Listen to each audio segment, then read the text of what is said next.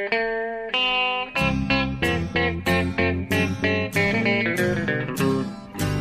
out there, we're on the air. It's hockey night tonight. Tension grows, the whistle blows, and the puck goes down the ice. The goalie jumps and the players bump and the fans all go insane. Someone roars, Bobby scores at the good old hockey game. Oh, the good old hockey game is the best game you can name. The best game you can name.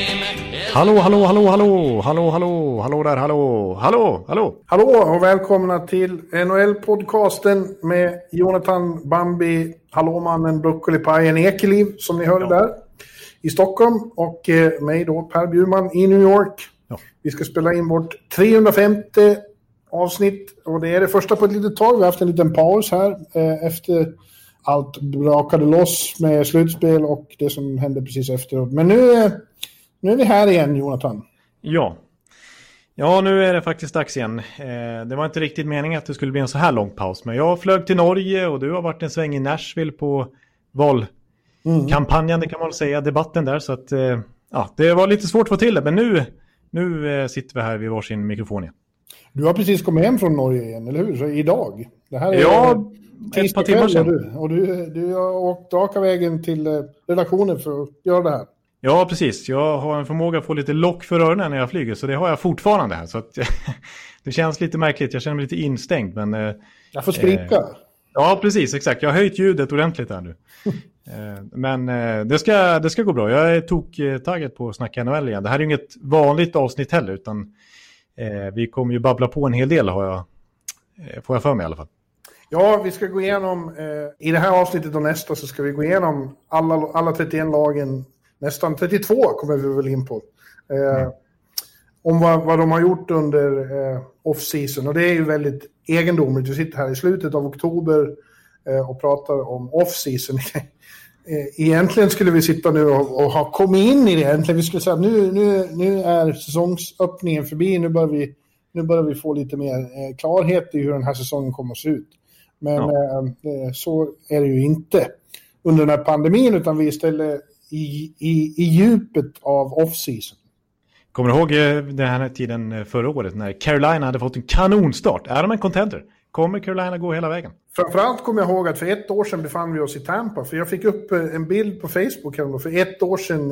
Och då var det bild när du och jag satt och spelade in avsnittet i hotellobbyn i Tampa med, med vår församling runt oss. Just det, det är sant. Det, är ju precis, det var ju precis i slutet av oktober, så att... eh, Ja, jag skulle ju inte åkt till Norge om det inte hade varit för den. eh, Nej, jag skulle just säga det. Det finns ju en fin koppling till Norge där. Du träffade ju din stora kärlek på den resan. Det är ju så vackert. Ja, det råkade bli så, men eh, ja, så var det. Vi är många Så som var med på den resan som, som väntar på bröllopet och ser fram emot att komma på det. Och hålla tal och så. Ja, det... och, inga kommentarer i, nu, i nuläget, men ja, ja. Vi kan ju ja. vänta tills världen är normal igen. Men, men Ja. ja. så är det i alla fall. Det är ju extremt konstiga tider och vi vet ju faktiskt inte särskilt mycket alls om när vi får börja prata hockey på riktigt igen. Eh, Det känns, det känns redan som det var väldigt länge sedan vi såg eh, Stanley Cup-finalen. Och det är ju en månad sedan. ja, det har gått en månad sedan eh, Tampa lyfte Stanley Cup-bucklan och jag njuter fortfarande. Så att eh, på det viset som jag sagt i tidigare poddar så har inte jag så jättemycket emot att det dröjer lite till nästa säsong. Utan jag vill eh, rida på den här vågen så länge som möjligt. Va? Men du, som, eh, det är ju en liten jinx i det där, Jonathan. För att som, som eh, Sveriges stora Montreal-supporter, Dan Augustsson har påpekat några gånger, så är, det blir alltid knas när Tampa vinner. Ja, förra 2010 gången så fick vi vänta i, ja, i ett och ett halvt år innan det blev hockey igen. Att, Ja, det, när de vann 2004 så följde det en lockout-säsong. Och nu vinner de, och så följer det här skiten. ja, så det är, det är Tampas fel alltså. Ja, det är något jinxigt med, med Tampa alltså. Eh, nej, nu är det ju sagt och de har ju som target att eh, första, första januari, men eh, det är ju att hoppas på väldigt mycket för att nu har ju den här, precis som hos er så har ju eh, pandemin börjat ta fart här igen i en andra våg. Så att det är, hur de ska få ihop det vet tusan, men, men eh, någon gång efter nyår i någon form blir det väl hockey, skulle jag gissa. Precis, det verkar ju onekligen så som att de har gett upp det här med en 82 matchers säsong till slut. Ja, det blir det inte. Nej, och att de har konstaterat att det här blir svårare att få till än det här stora bubbelslutspelet som i sig var en stor utmaning att lösa. Eh, men att få till en hel säsong i pågående pandemi, det, det är en stor utmaning. Så att det, ja, det kommer lite uppgifter hur det kommer se ut och hur många matcher och hur olika bubbeltillvaror även under grundserien. Men, men hur det faktiskt kommer att utformas, det, det känns väldigt oklart i nuläget.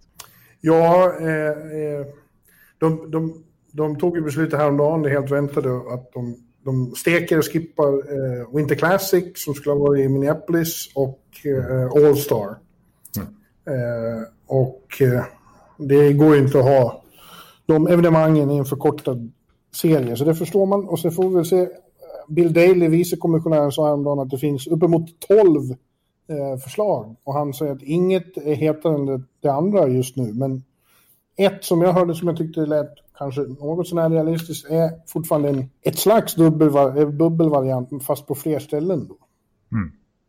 Jo, precis. Det har väl pratats en del om den varianten på något sätt. Liksom. Och det, det kommer förmodligen bli så. Jag har svårt att se att det ska resas runt mellan 31 NHL-städer eh, under våren.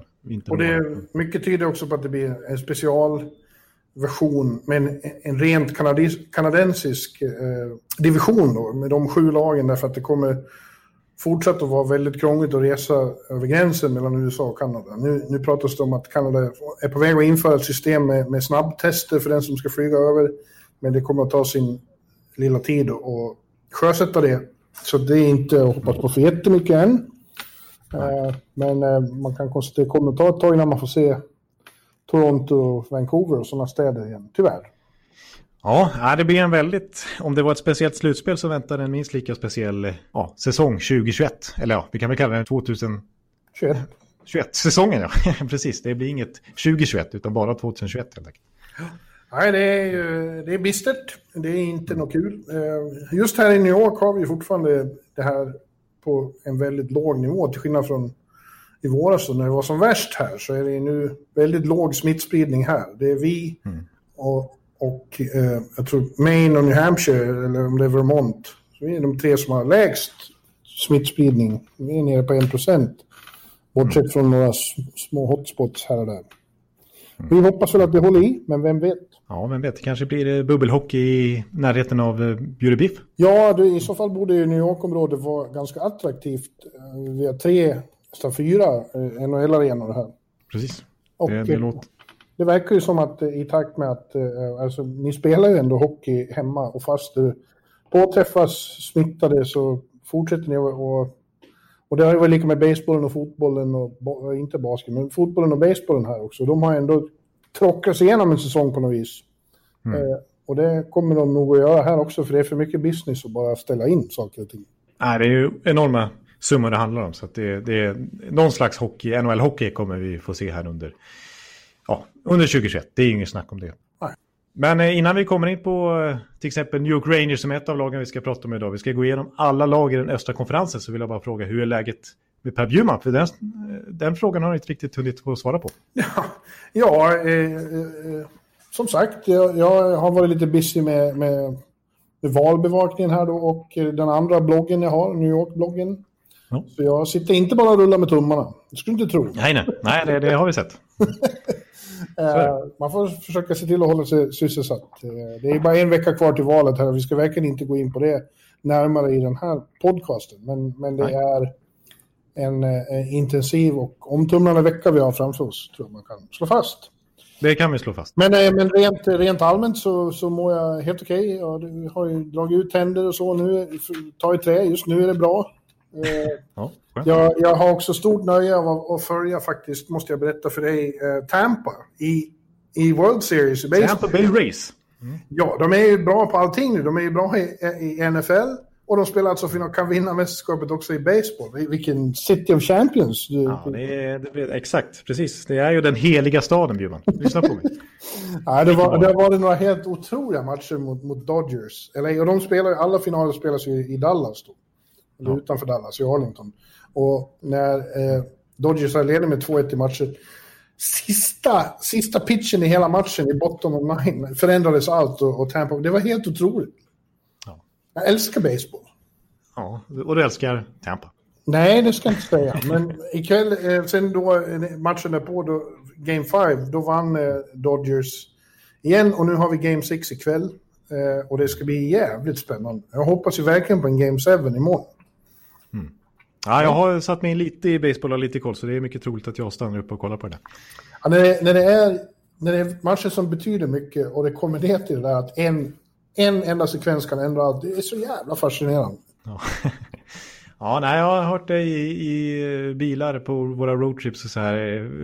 Ja, det liksom kommer fram en liten baseballfantaster. Ja, det, det, det, själva grundserien, när det är normalt, då, den är ju liksom sömnig. De spelar ju för fan 160 omgångar. Ja, det är fruktansvärt mycket matcher. Ja. Så man, man blir inte så engagerad eh, alltid. Men när det drar ihop sig, framförallt i Yankees, Red Sox i stora serier. De möts ju alltid i serier i grundserien. Liksom man spelar fyra, mm. fem matcher i rad mot samma lag. Mm, mm. Och så gör man det till serier då. Och det kan bli spännande även då, men framförallt i slutspelet. Jävlar. Mm. Ja, jag, gillar, jag, jag gillar min baseball. Oj, oj, oj. Ja, där, där kom det. Där fick du verkligen yttra det eh, offentligt. Ja, jag är faktiskt med. Det är mycket vanligare att svenskar blir begeistrade av eh, amerikansk fotboll, då, NFL. Mm. Men jag, jag tycker bättre om baseball faktiskt. Ja. Och där har jag lärt mig att jag ska inte säga MLB, utan man säger Major League Baseball. Ja, man hör sällan folk använda den förkortningen MLB. Det, ja. Nej, man säger Major League Baseball. Ja, det gör man. Och, och, dessutom säger de sällan playoff. De säger po postseason istället. Vilka, vilka typer alltså. Men nu, nu tycker jag vi går till, återgår till ett mer... Ja. Eh, ett, ett vokabulär vi är mer vana vid. Det det som finns inom National Hockey League, va? NHL. Exakt. Och som sagt, vi ska gå igenom alla lag och, och eftersom vi alltid börjar vi har, vi har det i oss. Vi börjar i öst och går, vi rör oss västerut. Eh, men vi tar östra konferensen i bokstavsordning för enkelhetens skull. Ja, det är typiskt oss. Då. Så vi börjar i öst och sen har vi en annan sån här eh, ordningsgrej att vi alltid kör bokstavsordning på något vis ändå. Eh, så det är både och helt enkelt. Ja, men nu gör vi så. Och det innebär ju då att vi börjar med att titta på Boston Bruins. Ja, precis. Vad, vad de har haft för sig sen deras säsong tog slut mot Tampa. och eh, deras utsikter inför kommande säsong. Det är vår lilla off-season special som tar sin början nu. Eh, och eh, ja, Boston. Ah, jag, jag känner lite grann så här kring egentligen nästan alla topplag. Eh, det finns några undantag som vi kommer komma in på de här poddarna. Men ah, i och med att lönetaket är satt nu och inte höjts utan det ligger fastfruset på 81,5 miljoner dollar även nästa säsong och i överskådlig framtid så tycker jag nästan nästan alla topplag har gått bakåt.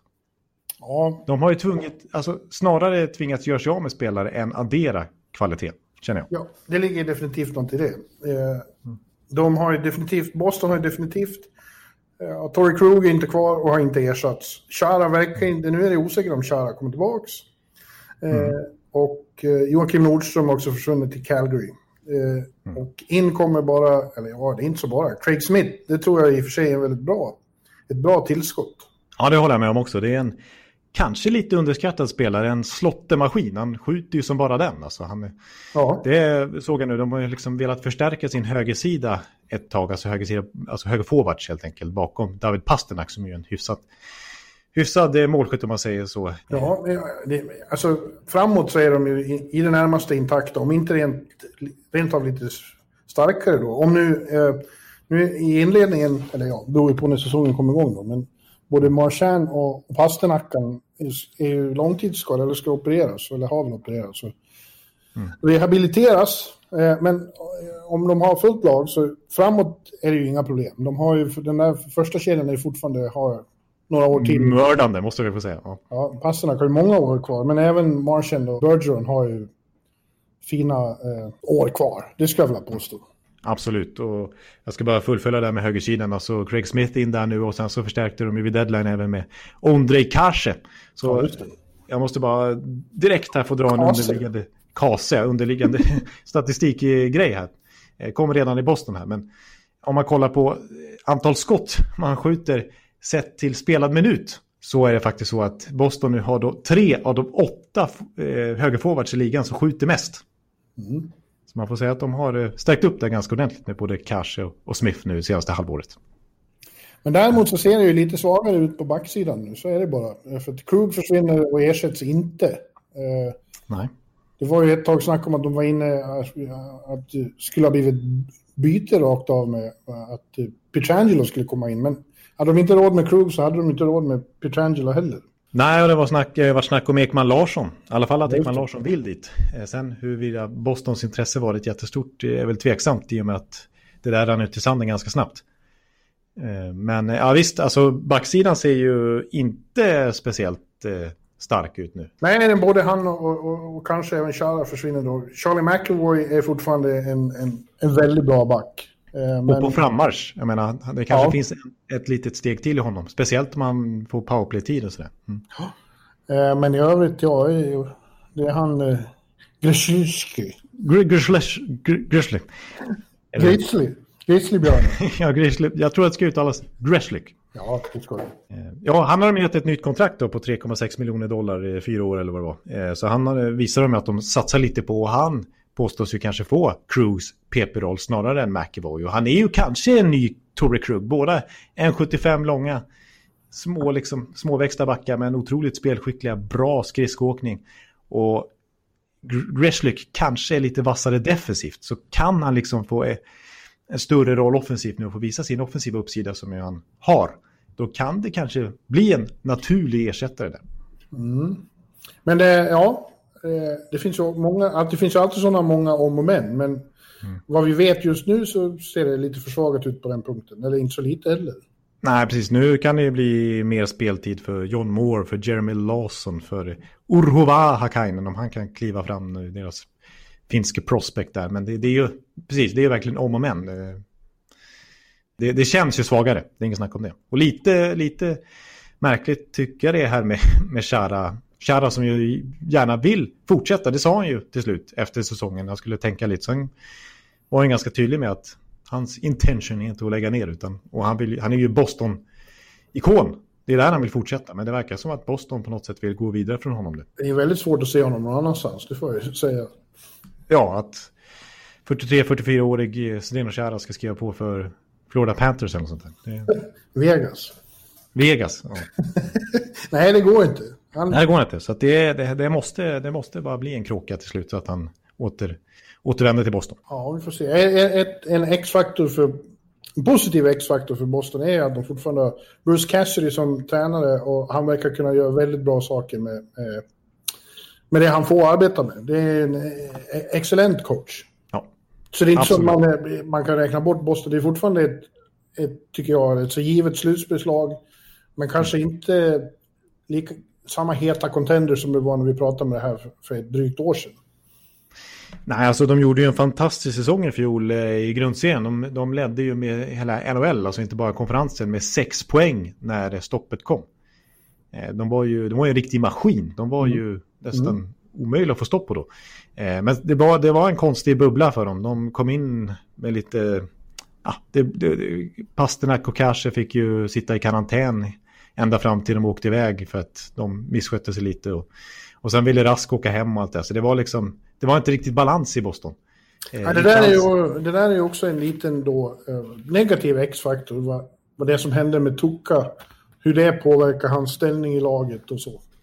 Mm. Och, och eh, vad, de, vad de runt omkring tycker.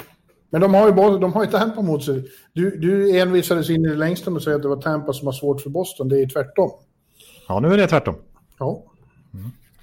Det har varit så de senaste tre, fyra åren. Ja, det är sant faktiskt. Ja, och sen som sagt, Jocke Nordström försvinner då också. Det betyder att Per Lindholm nu är enda svensken där. Mm. Lite tråkigt tycker jag. Det är väl som det är med, med, med budgetar och lönetak och så nu. Men eh, Nordi har ju varit en tillgång för Boston som ja, alltså en fourth line-krigare verkligen. Extremt bra i, ja, alltså en grinder.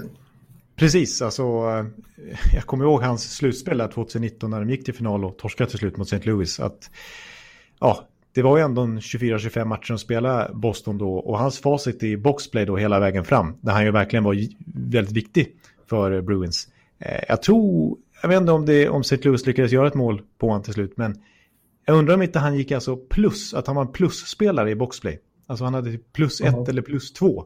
Ja. På så här 55 spelade boxplay-minuter någonting i hela slutspelet. Så att han är ju verkligen en boxplay-specialist. Ja. Men han har hittat en ny fin adress i Calgary. Så, Flames håller på att bli verkliga svensklaget där. Ja, precis. Eh, men då får vi komma in på nästa vecka. Det då får det mycket Calgary-snack. Mm. Det får vi. Nu tar vi och, och åker eh, rakt västerut från Boston. Tar längre tid än man tror. Det är tror jag, en tio timmar mellan. Men då kommer vi till Buffalo. Ja, precis. Det är bra att du nu i sådana här coronatider så, så blir det inte så mycket resande. Så det är bra så att du, att du, du gör som, ja det är lite tradition i NHL-podden att vi åker runt med Per Bjurman i, i flyg eller bil eller tåg. Ja, man får ta eh, eh, State Highway 2 från Boston till Albany och sen 88 och 390 och så kommer man till Buffalo så småningom. Ja. Ja, du har åkt bil i, i USA, det hör vi. Det vet jag om. Ja. Så här, nu blir det så här. Nu ska jag ta vä vägarna mellan varje ställe vi åker till. Ja, det, det ser vi fram emot. Det, vi, vi hakar på. Ja, bra. Ja, men då kommer vi som sagt till Buffalo och det är väl ett... ett det var ju inget topplag då. De är ju ett av istället lagen i botten som hade mycket oväntad off-season får man väl säga. Ja, precis. Alltså, där small det till ordentligt. Vi var ju inne på det mycket förra podden vi spelade in. Det har gått två veckor sedan dess. Eh, när Taylor Hall precis hade skrivit på för Buffalo. Det var ju verkligen en bomb. Han skulle ju gå till en contender, sa han. Ja. Och så går han till det lag som missar slutspel. Längst. Alltså den ja. längsta sviten. Nio, det är ett decennium nu. Det, skulle han föra dem till, till slutspel så blir det första gången på tio år som Buffalo ens är där. Ja, och, och dessförinnan så var det ju inte lika stor bomb, men lite bomb var det allt att Erik Ståhl plötsligt eh, blev dit tradad i ja, en trade med Marcus Johansson eh, från ja. Minnesota. Då. Det, det, var ingen som såg komma heller. Nej, det kändes som en eh, oväntad, oväntad trade. Och, alltså jag tycker på ett sätt att jag kan förstå båda sidor ändå. Men eh, Eric Stahl, alltså, det är en bra, det är en riktigt bra spelare fortfarande. Han, eh, det är klart inte den Eric Stahl som... Som var Stanley Cup? Nej, precis. För 12-13 år sedan. 14 år sedan nu. Mm. Men eh, han har gjort ganska många bra säsonger i, i Minnesota. Han fick en nytändning där efter alla år i Carolina. Och um, han kom väl upp i nästan 50 poäng i fjol i en förkortad säsong faktiskt. Så det, det, finns fortfarande kvalitet i Eric Stahl och det känns som en väldigt vass andra center för att han fick ju snarare vara lite första center i Minnesota. Men där kan han kanske inte är någon första center längre, men som andra center känns det väldigt stabil. Han kommer in med mycket rutin till det här Buffalo-laget. Mm.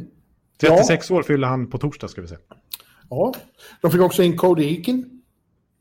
Eh, center. Mm. Ja, Eh, och eh, istället försvinner sådana som Johan Larsson, eh, Wayne Simmons, Jimmy Vesey, Dominic mm. Cahoon. det är många som har försvunnit, men det känns ändå som ja, Buffalo har gjort, växlat upp under den här, som sagt, ganska oväntat sätt. Ja, precis. För det så mycket som vi har kastat skit på Buffalo här sista. ja, vi, vi hade ju förhoppningar på, på dem faktiskt inför förra säsongen också. Ja. Ja, jag har haft det, det har ju varit false starters i, i, i många, false starts i många, många år tycker jag. Mm, mm. Alltså de, det de finns potential där, men de, de har skitit. Ja. Vad har de? Nej, skitit, förlåt, det, det, det blev konstigt. De har, de har inte skitit, de har inte gjort. Inte så jag menar, men de har, eh, de har gjort bort sig. De har gjort bort sig. Mm, så säger vi. Ja, gjort bort sig? De har, de, de har skitit i det blå skåpet, kan man säga så? Ja, de har, de har, efter att ha startat bra ofta så har de sen börjat underprestera andra halvan av säsongen på ett notoriskt sätt. Mm. Ja, det, det var ju lite kaos där i, i somras när de bytte general manager och eh, sparkade väl upp mot 30 pers i staben. Eh, mm. Alltså folk, hockeyfolk i organisationen. Och eh, ja, eh, ägarparet där som jag har klagat mycket på var ju nästan i öppet krig med fansen. Eh, och Jack Eichel var ute och, och sågade kulturen i Buffalo ganska ordentligt och eh, sa att han är trött på, på att förlora. Mm. Eh, och att det måste hända någonting där. Och det får man säga att det gjorde. Kevin Adams, nya general manager, väldigt oprövad, kommer in och, och plockar in den näst största fisken på free agent-marknaden. Alex Petrangelo var väl störst, men, men två var ju Taylor Hall, så det var ju en riktig bomb. Mm. Ja, men på ett år, och det är ju det också. Det känns som... Eh, det är fortfarande lite limbo. Det är ingen som vet om Taylor Hall kommer trivas så bra i Buffalo så att han vill vara kvar efter ett år.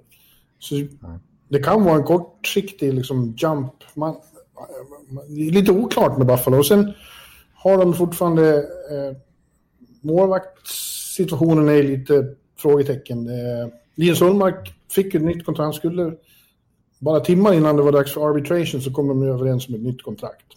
Mm. Eh, så det är fortfarande han och eh, vår vän... Carter Hutton. Ja. Eh, och ja, jag såg, eh, det var Buffalo-skribenter till exempel, han Mike Harrington. Mm. var lite hårda när Linus hade skrivit kontrakt. Okej, okay. starta, börja stoppa lite puckar nu också. ja. Ja, Harrington brukar vara ganska hård i nyporna. Ja. Ja, men de tog väl de tog ändå på... Det var väl ett år det också? Jo, och ja, precis. Det är väl defensivt så finns det fortfarande frågetecken. De har ju, det har ju läckt ganska mycket i Buffalo på den defensiva delen av isen så har det väl inte hänt så mycket som den här off-seasonen. Eh, som sagt, både Hatton och Ullmark fortfarande i kassen. Inget jättedåligt målvaktspar tycker jag, men ah, inget känns inte jättetryggt heller. Och på backsidan så så har de ju knappt, ja de har tagit in Matt Irwin och de har tagit in Brandon Davidson. Verkligen så här uh, på gränsen spelar att de ens platsar i NHL. Uh, mm. Och det, det, är upp till Rasmus Dahlin att ta ett kliv till och fortsätta. Det tror jag visserligen han kommer göra. Ja, det kommer. Uh, och Ristolainen som är kvar där fortfarande och, och Montour och McCabe och så vidare. Men ah, det ser väl inte lika spännande ut där som det gör framåt. Nej, men det blir, det blir väldigt spännande att se vad som kommer hända där. Ja. För jag ska ställa en fråga förresten. Hur... Ska du ställa en fråga? Ja, nu kommer en fråga till dig. Eh, vad tror du att... Eh, gissa vikten på Rasmus Dahlin? Nej. Nej, det tänker jag inte göra. Det tänker du inte göra? Nej, man frågar Nej. inte äldre damer om hur mycket de väger, höll jag på att säga. Men Nej, jag, okay. jag uttalar mig sällan om vikt. Alltså. Jaha. Nej, men jag kan säga så här. Jag, jag, eh, säger, det, det var ju så att han vägde 80 kilo när han eh, draftades för drygt två år sedan, där, 2018. Eh, och eh, nu är han uppe i 93. Oj då, lagt på sig lite muskler. Han har lagt på sig en hel del muskler. Det hade vi en lång intervju här i Sportbladet i, om eh, ja, hur mycket han äter. Han snackar om att han åt två luncher per dag och två middagar per dag. Det var kebabpizza hit och kebab. Fan vad härligt det låter. Bara för att gå upp i vikt. Han tränar ju som en galning. Så att eh, nu är det 93 kilo i matchvikt på Rasmus Dahlin. Mm. Ja, ja, alla vet ju att han kommer att bli en, en stor, stor back. Frågan är bara ja. hur stor, det är, det är enda frågan. Ja, ja det kan bli, eh, det finns ju alltså Lidström-potential där. Att bli en sån viktig generational back liksom. Ja. Mm. Mm. Ja, ska vi hoppa, hoppa i, i eh, Ja, det är en lite krånglig resa. Man får ta sig ner via 200... Nej, jag ska inte ta varje väg, men man, man kör eh, söderut tills, tills, man kommer ner till 95an och kör långt söderut i North Carolina. Tar av på den lilla vägen och man kör igenom underbara samhället Sebulon. Efter Seb McKayen. Nej, det är inte efter honom, men det heter i alla fall så. Ja, och så kommer man till, så kommer man till Raleigh och där spelar Carolina Hurricanes. Ja. Precis. Eh, och de eh, har... Eh, ja, Ingen spektakulär off-season direkt. Det enda man plockar in är Jesper Fast. Ja, deras liksom statement-värvning, det är Jesper Fast, om man kan kalla det för statement-värvning. Men det är, jag har sett någon, eh, jag såg The Athletic eh, intervjuade en massa executives, alltså folk, ja, typ så här assisterande general manager, kanske general manager, alltså höga positioner inom NHL som fick vara anonyma, så fick de kommentera motståndares off-season. Och när det kom till Carolina så var det någon som sa att han tyckte att Jesper Fast var kanske årets fynd. Ja, mm. det tror jag definitivt också. Framförallt så förstår jag ju faktiskt inte vad Rangers gör som släpper honom eh, när han inte kostade mer. Eh, Nej, vi kommer kanske komma in lite på det. Jag har någon slags förklaring till det, men ja. Mm, ja, jag tycker ändå det. För att vad det gäller de här eh, ja, mer grinding-spelarna eller, eh, som, som gör skitjobbet så fin det finns inte många som är bättre. Ett ögonblick, kan du vänta lite? Mm. Jag får åter... Vänta. Hallå? Jag sitter mitt i en poddinspelning. Jag sitter mitt i en inspelning, så jag, så jag får ringa dig imorgon tror jag. Är allt bra? Är allt är bra eller? Ja, då så. Men då hörs vi imorgon. Hej, hej. Hej, hej. Ja, förlåt. Det var det mamma? Ja. ja. måste man ta. Men du... Ja, det får man ta. Ja, det var mamma som ringde. Nu, ni måste... Ja, Jesper Fast, av, av, av den sortens spelare så finns det inte många som är bättre. Eh, och han, alla coacher som har honom älskar ju honom. Eh, Mm. På, extremt pålitlig både framåt och bakåt och i alla situationer. Eh, det är ingen topp 6 top spelare kanske, men, men i, i övriga roller så han, har han inte många övermän. Nej, absolut. Det är, han känns otroligt pålitlig och användbar och passar perfekt in i Rod Brindamore-hockeyn tror jag också. Alltså det här ettriga, det här uh, tvåvägstänket, liksom kämpa för laget. Liksom. Mm. Det, det, känns som att Jesper Fast kommer passa perfekt in i tredje kedjan i Carolina. Ja. I övrigt har det inte hänt så mycket, eller ja, de har tappat, Justin Williams lägger av. Sami Vatanen har inte fått någon ny klubb, va? Nej, inte vad jag har sett. Nej. Nej. Uh, och Joel Edmondson och Trevor Van Reemst. Det känns som de är ganska rätt så mycket... Vatanen är väl är lite förlust, men de har ändå så mycket bra backar så att... Uh, det känns inte... Det känns ungefär som de är där de var när vi senast såg dem. Precis, så att de kanske liksom naturligt blir lite bättre. För det såg vi den här säsongen att de unga spelarna tog nya kliv. Och de är fortfarande unga, de kan ta ännu ett kliv. Alltså de kan nå ännu mer contender-status. Ja. Alltså Terreveinen, Aho, Svesjnikov inte minst. Slavin och Pesci är inte så gamla de heller. Eh, de har ju Martin Echas, de har Warren Fogel, de har Hayden Fleury. Det är många unga spelare i det här laget. Så att de, jag tycker Carolina känns riktigt spännande. Och helt är det väl inte slut heller med spekulationerna om att Patrick Laine kan hamna där? Nej, de är inte helt döda, de spekulationerna. Jag tror faktiskt Laine blir kvar. Eh, nu när Winnipeg har tagit in hans gamla radarpartner Paul Stastny. Just det. funkar ju så bra ihop där. Så vi, ja, vi får se. Men eh, nej, visst det har ju ryktats om just Carolina och eh, Line. Att han ska återförenas i sin tur med Sebastian Aho. Ja, precis. JVM-radarparet. Ehm, men, eh, ja, nej, men jag tycker det är lite kul med Carolina och Tom Dundon. Alltså det märks ändå. Alltså han, då pratar jag som ägaren Tom Dundon som tog över för bara halvannat år sedan. Eh, som ju är speciell, som verkligen är hands-on. Mm. Eh, I normala fall så är inte det någonting jag predikar. Jag menar ju att, som i Tampas fall, eh, eh, ägaren där, att det är bättre att liksom anställa riktigt skickligt folk och låta dem ta de viktiga hockeybesluten och inte lägga sig i så mycket själv. För, ja, som ägare så kanske man är mer bättre på business än vad man är på att sätta formationer och hur man ska bygga en trupp.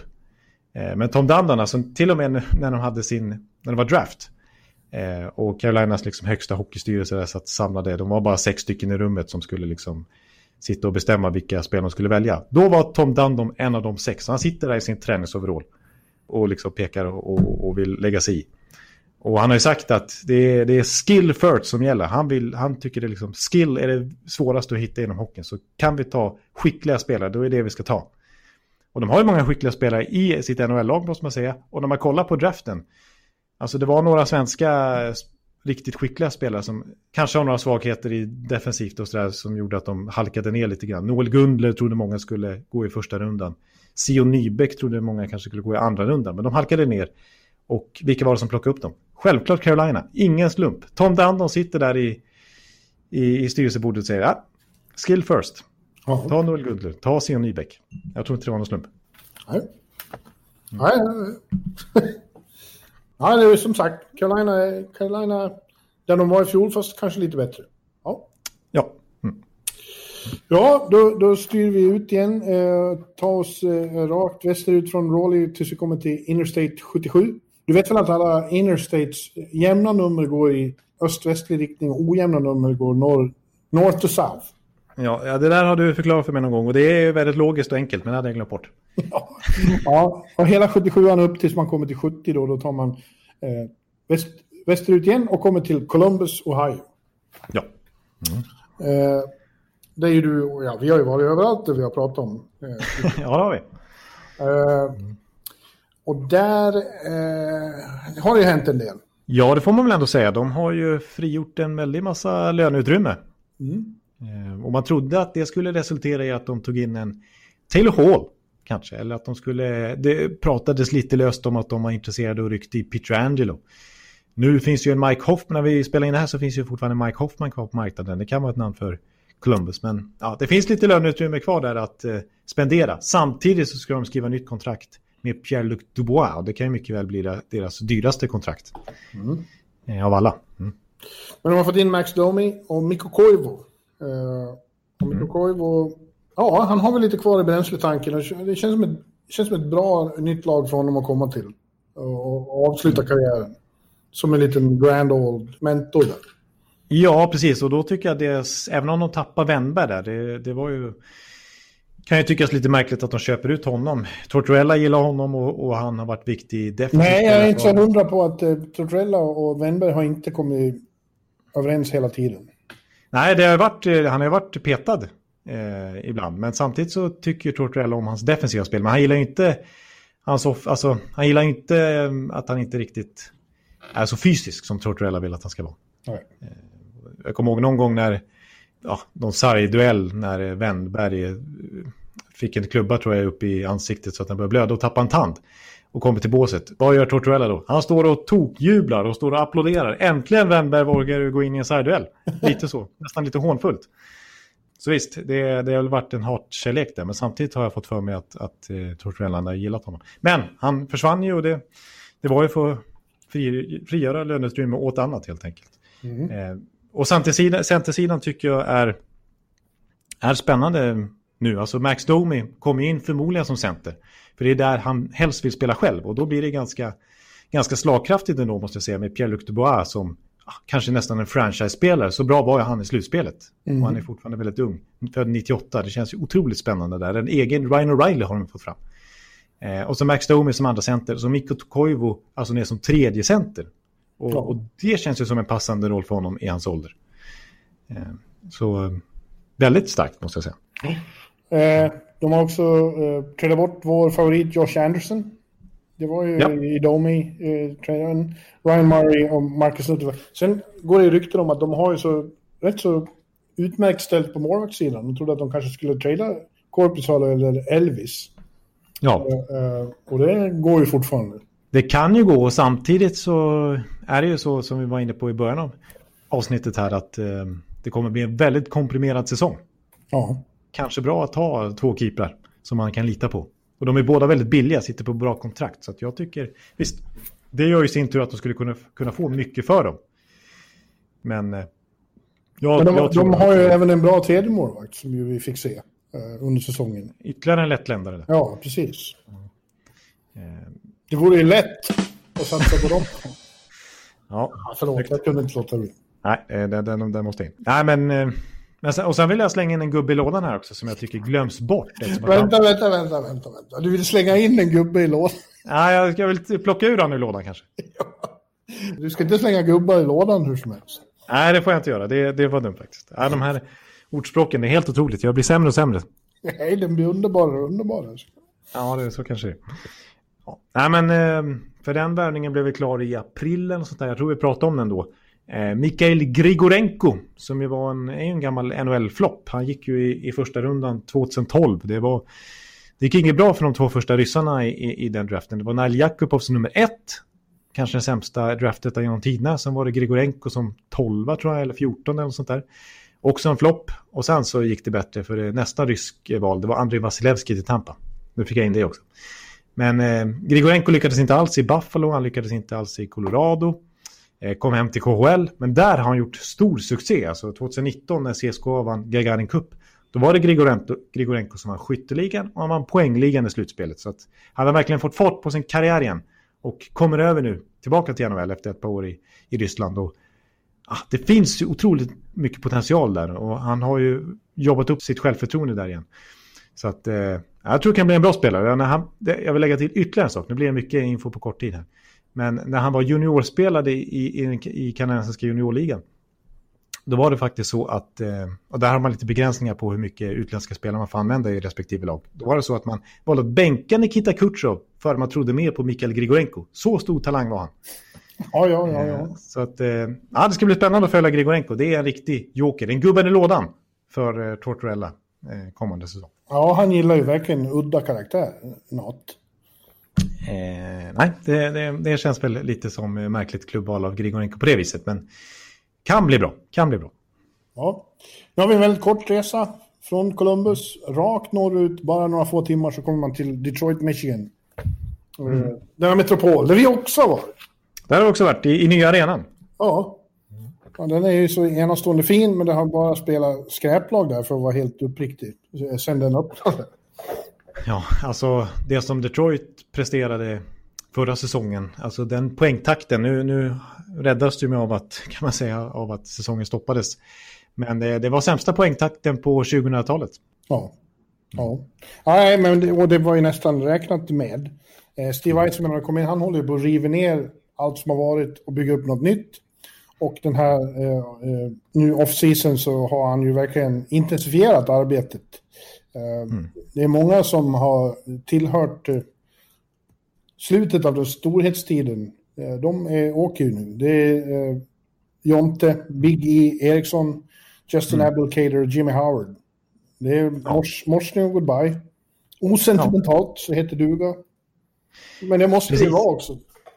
Ja, exakt. För, det, för några år sedan när vi pratade Detroit och deras starten på deras förfall så såg det så otroligt jobbigt ut och de var bakbundna av alla de här gamla långa kontrakten som Ken Holland skrev medan han fortfarande försökte få dem, den, få dem till en contender när de slet för att gå till slutspel och hålla den här enorma sviten på 25 raka slutspel eller vad det var vid liv. Mm. Eh, och de satt på massor med långtidskontrakt och då ja, de blev äldre och äldre som lag. Men nu, nu ser det inte så farligt ut. Det är som du säger, du nämnde några namn där som är borta. Visst, de har fortfarande kvar Darren Helm från den eran. Frans Nielsen som Ken Holland tog in för att liksom hålla, hålla den eran vid liv. Eh, Danny DeKaiser är ett annat namn som varit där ett tag.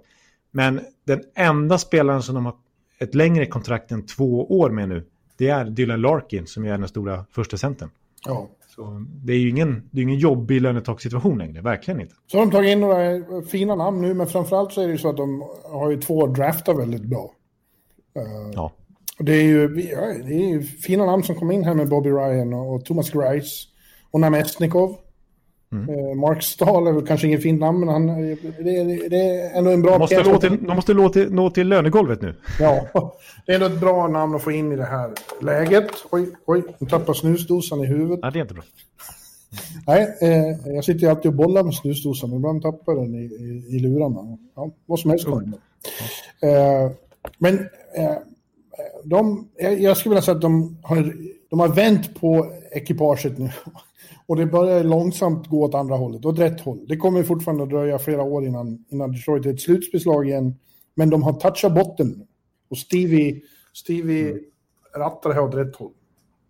Precis, så vi, jag tror inte det kommer gå lika snabbt, men eh, så sent som 2017 så gjorde ju Colorado en nästan lika urusel säsong. Ja. Och nu är de väl kanske den stora contendern inför kommande säsong. Ja, nu har de väl inga McKinnons och sådana än. Nej, det är ju det de inte har. De har ju haft lite otur måste jag säga i draftlotteriet. Och, men de hade ju kunnat få in en Lafreniere nu. Eh, till exempel. Ja, men ändå, ändå bra. Bra namn.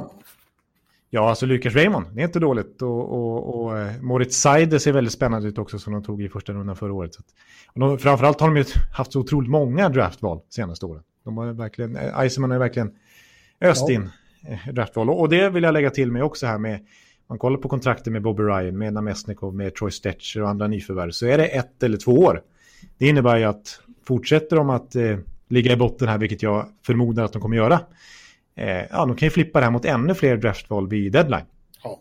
Eh, det är mycket troligt att eh, någon klubb vill ha Namestnikov eller att någon vill ha Bobby Ryan om de gör succé i lite framträdande roller i Detroit. Absolut. Absolut. Du, nu ska jag gå och hämta kaffe. Du kan väl... Ja, så. Sjung en sång. Ja, jag kan babbla på lite mer om Detroit då. Ja, men sjung en Detroit-låt. En Motown-låt, så kommer jag sen. Motown-låt? Eh... Oj, det var svårt. How long, how long will I slide, slide Separate side Nej, jag kan inte texten. I don't I don't believe it's bad Vad var det? Jag kommer bara ihåg att Red Hot Chili Peppers har, har haft konsert i, i Detroit med, med, Detroit, med typ Lidström-tröja på sig. Så det var därför jag fick den. Men menar du att du inte kan några Motown-låtar? Alltså, Detroit är ett av eh, USAs viktigaste eh, musik... En av USAs viktigaste musikstäder, historiskt. Ja, jag kan inte musik. Nej, okej. Okay. Ja, du får, vi, vi, vi, vi, glömmer det här. Jag, kan, jag, jag tror ju bara att jag kan sjunga. Ja, det kan du också. Ja, men eh, vad har du något mer att säga om Red Wings? Nej, men jag, kan, jag vill bara säga en sak där om eh, Grice som jag fick ett ganska, eh, inget jättekontrakt eh, sett till vad andra toppmålvakter fick. För att Grice är väl ingen toppmålvakt, men nu får han chansen att vara starter. Ja. Han har ju varit eh, backup bakom Lener och bakom Varlamov i Islanders ett par, ett par år här och gjort det jättebra ihop med supermålvaktstränaren Mitch Korn och ett fantastiskt försvarsspel som Barrett Shots har rattat där. Men det blir spännande att se han i, liksom i Detroit med det försvarsspelet som starter. Alltså då får vi verkligen se vad Thomas Greis är. Om, om han håller den nivån eller om han är liksom en produkt av bra försvarsspel och en bra målvaktstränare. Ja. Ja, en sak till måste komma på att jag vill säga om Detroit innan vi går vidare. Och det, det var vi inne på mycket förra veckan, alltså alla svenskar de draftade Raymond och sen kom det ju ytterligare några andra rundan. Eh, men det är, det är, de har ju draftat mycket svenskar överhuvudtaget senaste åren, alltså i toppen i princip av SHLs poängliga. Jag vet inte om man leder, men han ligger i alla, alla fall väldigt högt upp. Bästa svensk är Jonathan Berggren, Skellefteå. Ja. Känns väldigt spännande och det är naturligtvis Detroit draftad. Och så de har, bra, de har bra erfarenheter av svenska spelare genom åren. Det är ju onekligen så. Men eh, då, nu kommer det. Det är därför jag vill komma in på det här. För att eh, de, ja, inför den här säsongen, inför kommande säsong så signar de egentligen Mattias Bromé från Örebro. Men han spelar i Örebro nu utlånad för att eh, SHL är igång och NHL vet ju inte när det kommer igång för att hålla sig i matchform helt enkelt. Eh, och det jag vill säga om Mattias Bromé som jag tror kan bli en bra NHL-spelare, det känns som att han har potential att bli en så här ja, men, nästan lite Jesper Fast-typ eh, för Detroit, det är ju att han är född i Örby ja, det var dit vi ville komma. Det var dit jag ville komma. Ja. Ja, ja. Nu kan du få hoppa bilen igen och åka till eh, söderut. Ja, vi, alltså det är ju raka vägen. 75 man. Det är en av de längsta resor man kan göra i, i östra konferensen om man befinner sig i USA. Eh, det är Detroit ner till Fort Lauderdale. Det är 75 man hela jävla vägen ner. Oj, oj, oj. Eh, och medan vi sitter i bilen kan vi ju konstatera det då att eh, det där du nämnde med att de spelar för att hålla sig i form. Alltså, spelarna i de sju lag som inte var med i bubblorna. Eh, mm. Det kommer ju att vara nästan ett år sedan de spelar hockey när de börjar igen, om de börjar igen. Ja, det är ju... Det är ett enormt uppehåll för sådana som Erik Karlsson och, och ja, allihopa. Ja, ja, det är verkligen märkligt. Men jag det, det, kan man undra, det kan man undra vad, vad det innebär, att det liksom försvinner ett år i karriären. Ja, det borde ju påverka på något sätt. Ja. Eh, för vissa kanske positivt. Ja, för Erik, blir för Erik är nog positiv att han får hela kroppen fullständigt. Ja, att han, precis, det, det kanske var väldigt bra för honom här, men, eh, men det kanske inte blir för långt uppehåll ändå. Nej, då tappar man ju liksom, något går ju förlorat. Absolut. Mm. Men det, ja, det, det, kan jag säga, en konkret åtgärd som NHL har sagt det är att de här sju lagen som missade slutspel, de ska få en lite längre off-season. De ska få dispens att eh, starta sina camper tidigare har jag sett. Okej, okay, okej. Okay. Ja, men det låter rimligt. Mm. Ja, nu svänger vi in där i, i träsket runt eh, BB&T Arena, eh, där vi ja. också har varit. Ja, precis. Och det är som du säger, bakom arenan så ligger ju Everglades. Det är ju ett träsk liksom. Ja, man får köra in bakom och komma in på den där pressparkeringen. Kommer du ihåg när vi var där? Då fastnade min dator, kedjan i min dataväska fastnade i byxorna. Ja, just det. ja, det var ju direkt problematiskt där ett tag. ja. Det var ju panik. Ja, det var lite panik då. Men där spelar ju då Florida Panthers och där har det varit en jävla omsättning på folk. Eh, under, sen, sen nye general manager Bill Cito kom in. Ja, precis. Det, det, det har hänt mycket där. Alltså. Jag måste börja med att bara säga, jag tycker de har gjort en del spännande nyfär, det vill jag säga. Men det är ganska tunga tapp alltså, som de har haft ute på free marknaden som hittar nya klubbar. Mike Hoffman har inte gjort det än så länge när vi spelar in det. Men Varför vill de inte behålla honom för, om jag får fråga? Alltså, det, de borde väl kunna klämma in där. Jag vet inte om det är Hoffman själv som vill bort eller vad som är grejen. Men, eh, Han var ju riktigt eh, bra tidvis den här säsongen. Verkligen, verkligen. Um, ja, en annan topp 6-spelare där, Dadonov. Ja. Har ju kritat på för Ottawa. Och eh, både Erik Haula och Lukas Wallmark som kom in... Wallmark? Eh, du, in i... du, du, pratar, du säger som de gör uppe i Luleå, där säger de. Ja, precis. Lukas Wallmark. Lukas Wallmark. Wallmark. Kommer du ihåg min... Kommer ihåg min gamla spaning om att nästan alla i Luleå är en Luleåkoppling eller Norrland, att, eh, en, en, förlåt Norrland, men liksom norra Norrland, eh, att de har tvåstaviga förnamn och tvåstaviga efternamn. Ja, så kanske Då, liksom, Niklas Burström. de heter inte Per menar du? Micke Reberg. Thomas Holmström. Janne Sandström. Lukas Wallmark. De heter inte Per? Nej, Nej, men alltså, men funkar det liksom inte, då tycker jag att man, liksom, typ som Luleå Hockey kan man ju, Luleå Hockey, det går inte, så då blir det Luleå Hockey. Det låter som Jarko nu tycker jag. Ja, ja. ja han är ju från de trakterna. Ja, ja Lukas Wallmark tycker jag också är konstigt att de eh, släpper och inte, inte, ans, inte ens anstränger sig för. Han fick ju inget nytt kontrakt helt enkelt. Nej, precis. Det tycker jag är konstigt när man, när man tradar bort Vincent Trocek. En sån asset skulle jag ändå vilja kalla det till Carolina så sent som vid deadline. Ett sånt asshole trodde jag skulle säga. Nej, inte ett sånt asshole. Det var viktigt att, att säga asset. Ja, en sån eh, profil, en sån ja, dyrgrip är varit eller men alltså bra, bra center. Så, är center, så liksom top 6-centrar borde vara väldigt eftertraktade i ligan. Ja. Eh, och så får man Haula och man får Wallmark och nu, samma år fortfarande, så är de borta. Oh. Eh, ja.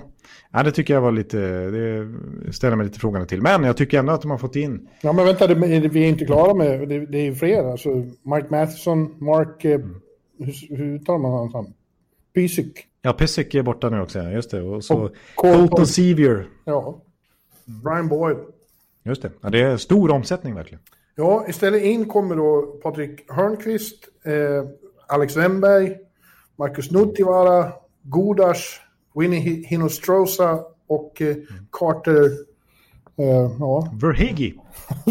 Fan vad jag har svårt för vissa namn. Ja, men det är ju en gammal Tampa-spelare så den sätter jag. Så det är, det är ju ganska rejäl omsättning på folk här. Eh, och eh, helt uppenbart vill Bill Zero sätta sin prägel på det här laget. Men man ja. kan fråga sig, tror du Quinn vill ha varit med mycket och styrt i det här, eller? Nej, jag tror att det är ganska mycket Zero ändå. Det kan också vara så, apropå Hoffman där, att man har haft en intern budget, att man inte har råd att gå hela vägen till lönetaket i dessa pandemitider. Nej, det, det... För kollar man på värvningar så är det ganska billiga värvningar. Visst, Patrik Hörnqvist har en ganska saftig lön på drygt 5 miljoner dollar som Pittsburgh gärna ville bli av med. Eh, inte för att man ogillar Hörnqvist, men man tycker att den löneposten var lite för tung. Men det i sin tur gjorde att man fick ta emot Mike Matheson på lika lung, tung lönepost och på ännu fler år som Florida ville bli av med. Så det gick ju liksom, det var ju plus minus noll där kan man säga. Eh, men annars, alltså, annars är det ju liksom, det, det är ju Wennberg är ju, det är bara drygt 2 miljoner. Carter Verhegi, 1 miljon. Radko Gudas där kring 2-3 miljoner. Ja, Nutti, alltså Viners Hinstrosa var väl också bara en miljon. Så det, det, är billiga värvningar men ändå ganska bra värvningar tycker jag faktiskt. Ja, men Panthers är väl ett av de lag som, i och för sig har inte de någon publik i vanliga fall heller. Det är ingen, större, det är ingen större skillnad. Men, Nej, det är ungefär Men de, de har ju ingen jätteekonomi i vanliga fall heller. Så det är klart att det svider nu. Precis, de, Vince Viola, deras ägare där, gamla Trump, eh, ingick väl i Trumps regering ja. där ett tag. Eh, han, eh, han satsade ju ordentligt i fjol i alla fall när de tog in eh, Bobrovski mm. på drygt 10 miljoner dollar per säsong och ryckte i Panarin dessutom.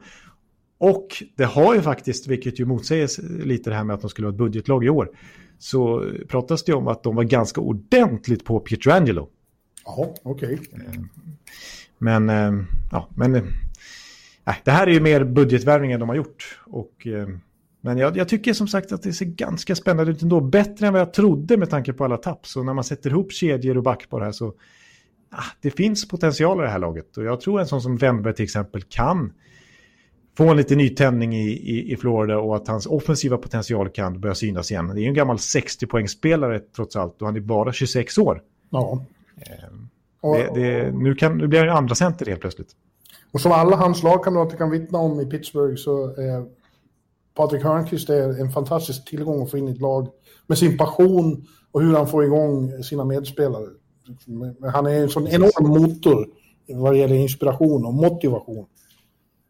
Ja. Varje, en, på varje träning. injektion i Pittsburgh. Ja. Uh, så det är ju, jag skulle vilja påstå att det hänger på, och, och det är ganska intressant för att som du nämnde i Bobrovski där, det var ju en superflopp första säsongen. Men mm. hela hans karriär har ju varit så att supersäsonger följs av skitsäsonger, men sen studsar han tillbaks och blir kanon igen. Om det händer, ja. då ja. blir de ju riktigt bra Florida. Precis, för det är, alltså, han har ju två Vessinas på sin meritlista. Det är ju det är otroligt. Eh, så det finns ju en superkeeper där egentligen. Men förra året var han ju Bobrovski som du sa. ja. Så, Så att, eh, ja, det hänger, jag håller, håller verkligen med om att det hänger mycket på honom. Men det berodde ju på att jag hade honom i, i, i, I fantasy. i fantasy. Det var ett hårt slag. Det förstörde min säsong. Du tog ju han tidigt. Du trodde att Bobrovski skulle, liksom, skulle bära New York Dolls. Ja. Ja, herregud vad länge sedan det kändes som höll på med det där. Ja, det var, det var länge sedan. Ja, men eh, ja, eh, alltså Hörnqvist och Wennberg kanske är en kedja till och med. Eh, det var ju en succékedja i VM när Nylander slog poängrekord. Alltså han slog Nisse Nilssons gamla VM-rekord för svenska spelare sedan 62. Då var det ihop med en kedja med Wennberg och Hörnqvist. Ja. Så att, de har kemi sedan tidigare, de gamla stockholmarna. Ehm, ja, och sen är jag ju livrädd då för Carter Verhage. Kan du säga det? Kan du säga så? Verhage. Ja. Eh, att han ska bli en ny Jonathan Marchessault, att det ska bli en sån här spelare som... som Kan det sägas? Ja, men som, som, som Tampa ska, liksom en sån här som man har verkligen trott på flera år i AHL. Han vann ju hela AHLs poängliga här om året och Marchessault var ju otroligt framträdande i, i Tampas AHL-lag en gång i tiden också. Och så liksom har man inte riktigt plats och löneutrymme och, och förlänga med honom och så släpper man honom till Florida, till delstatsrivalen. Marchessault fick sitt stora genombrott där och är nu storstjärna i Vegas. Carter Rehagi, jag tror i en större roll eh, som man kommer få i Florida, att där eh, kan det kanske bli en ny Jonathan Marchessault. Mhm. Mm. Ja, eh, eh, eh, jag, det hänger på två saker hävdar jag. Dels i första hand Bobrovski. Han är en nyckel där.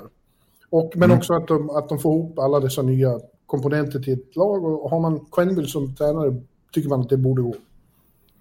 Ja. ja, men vi kommer ihåg till exempel förra året när det var så mycket nytt i New Jersey, vilket vi tyckte såg jättespännande ut. Men de var ju urusla i starten. Torskade de väl sju av de första åtta matcherna för att det var så mycket nytt. De fick inte ihop det alls. Nej, det är mycket sant. Det, det är en farhåga. Mm. Ja, ja eh, ett, ett, ett frågetecken, men ett intressant frågetecken. Så kan vi säga. Absolut. Absolut. Nu gör vi en väldigt lång resa. Eh, eh, I-95, den klassiska hela vägen upp från Florida till kanadensiska gränsen och där får vi ju då korsa, ta oss över gränsen. Fram med passet Jonathan. Nu ska vi till Montreal. Det ska väl vara covid-test och allt möjligt här. ja, vi- vi får sitta i karantän i två veckor nu. Ja, det måste vi sen, göra, vi sen, göra. sen återkommer vi. Ja. Hej. Vi hörs. Ja, nu har det gått två veckor. Jävla tråkigt var att sitta på Ja, det var kul. Usch. Nej, men nu får vi gå på Bell Center och se Montreal Canadiens. Ja. Som har i första hand, eh, ja, de har ju fyllt på i ladorna utan att ta bort så mycket. Nej, precis. Det är ju lite av en satsning det här får man säga av Mark Bergevin. Mm. Eh, Det är mycket nytt in. Jag vet inte riktigt var vi ska börja, men Ja, vi kan börja med traden, för det var ju då eh, Domi och Josh Anderson. Precis. Alltså, Josh Anderson kommer in och skriver direkt ett nytt fett sjuårskontrakt på en, ja, vad var det, 5,5 miljoner dollar per säsong. Och både Det- du och jag gillar ju Anderson. Ja, vi, men det var ju för, i första hand för att han var så bra den matchen när vi var i Columbus. Ja. Mot Boston, eller hur? Precis, en galen match som slutar 7-4 eller något sånt där. Ja, men han var ju kanonbra då. Och, Gjorde hattrick. Ja, och sen dess, sen dess har vi haft ett väldigt gott öga till honom. Precis, så har du kanonbra för att det är så mycket buff, buff varje gång. Alltså, det bara smäller varje gång det blir ett mål i Columbus. Vad sa du? Boff, boff, Ja, jag, jag, kände, jag hörde själv när jag sa det. Att det vad var det där liksom? boff, Pinsamt. Pinsamt. boff. Ja, jo. Ja. Ja. Ja, boff, boff. Ja, boff, boff. Han har mycket... Ja, jag blir besviken på det. Ja. Nej, nej, du ska ju succé. Nej, men eh, Anderson i alla fall har kommit in till eh, dit i alla fall. Och, Det låter som ett lite stort kontrakt för honom tycker jag, men, men det känns ju... Just som vi har sett då så finns det potential och det är en underbar energispelare. precis, jag skulle vilja säga, vi hyllar ju mycket eh, i Tampa eh, Blake Coleman och Barkley Goodrow som kom in som energispelare med moderna liksom, power forwards. Mm. Eh, och jag skulle säga att Josh Anderson är precis den spelartypen, men lite bättre. Ja, Eller, eller ett, inte bara lite bättre, han är ett snäpp, eh, han är på en en högre hög, upp. ja en, en platå till, absolut. Så är det. Sen är det klart att det är oroväckande att han kommer från en eh, axeloperation och han spelar väl, kommer han, jag tror inte han ens kom upp i 30 matcher förra säsongen och han har haft knäproblem tidigare i karriären också. Så att det har varit en skadebenägen spelare. Och han har en spelstil som gör att han kanske inte kommer hålla sig hel hur länge som helst. Liksom. Eh, men eh, när han är hel i alla fall så är han otroligt bra.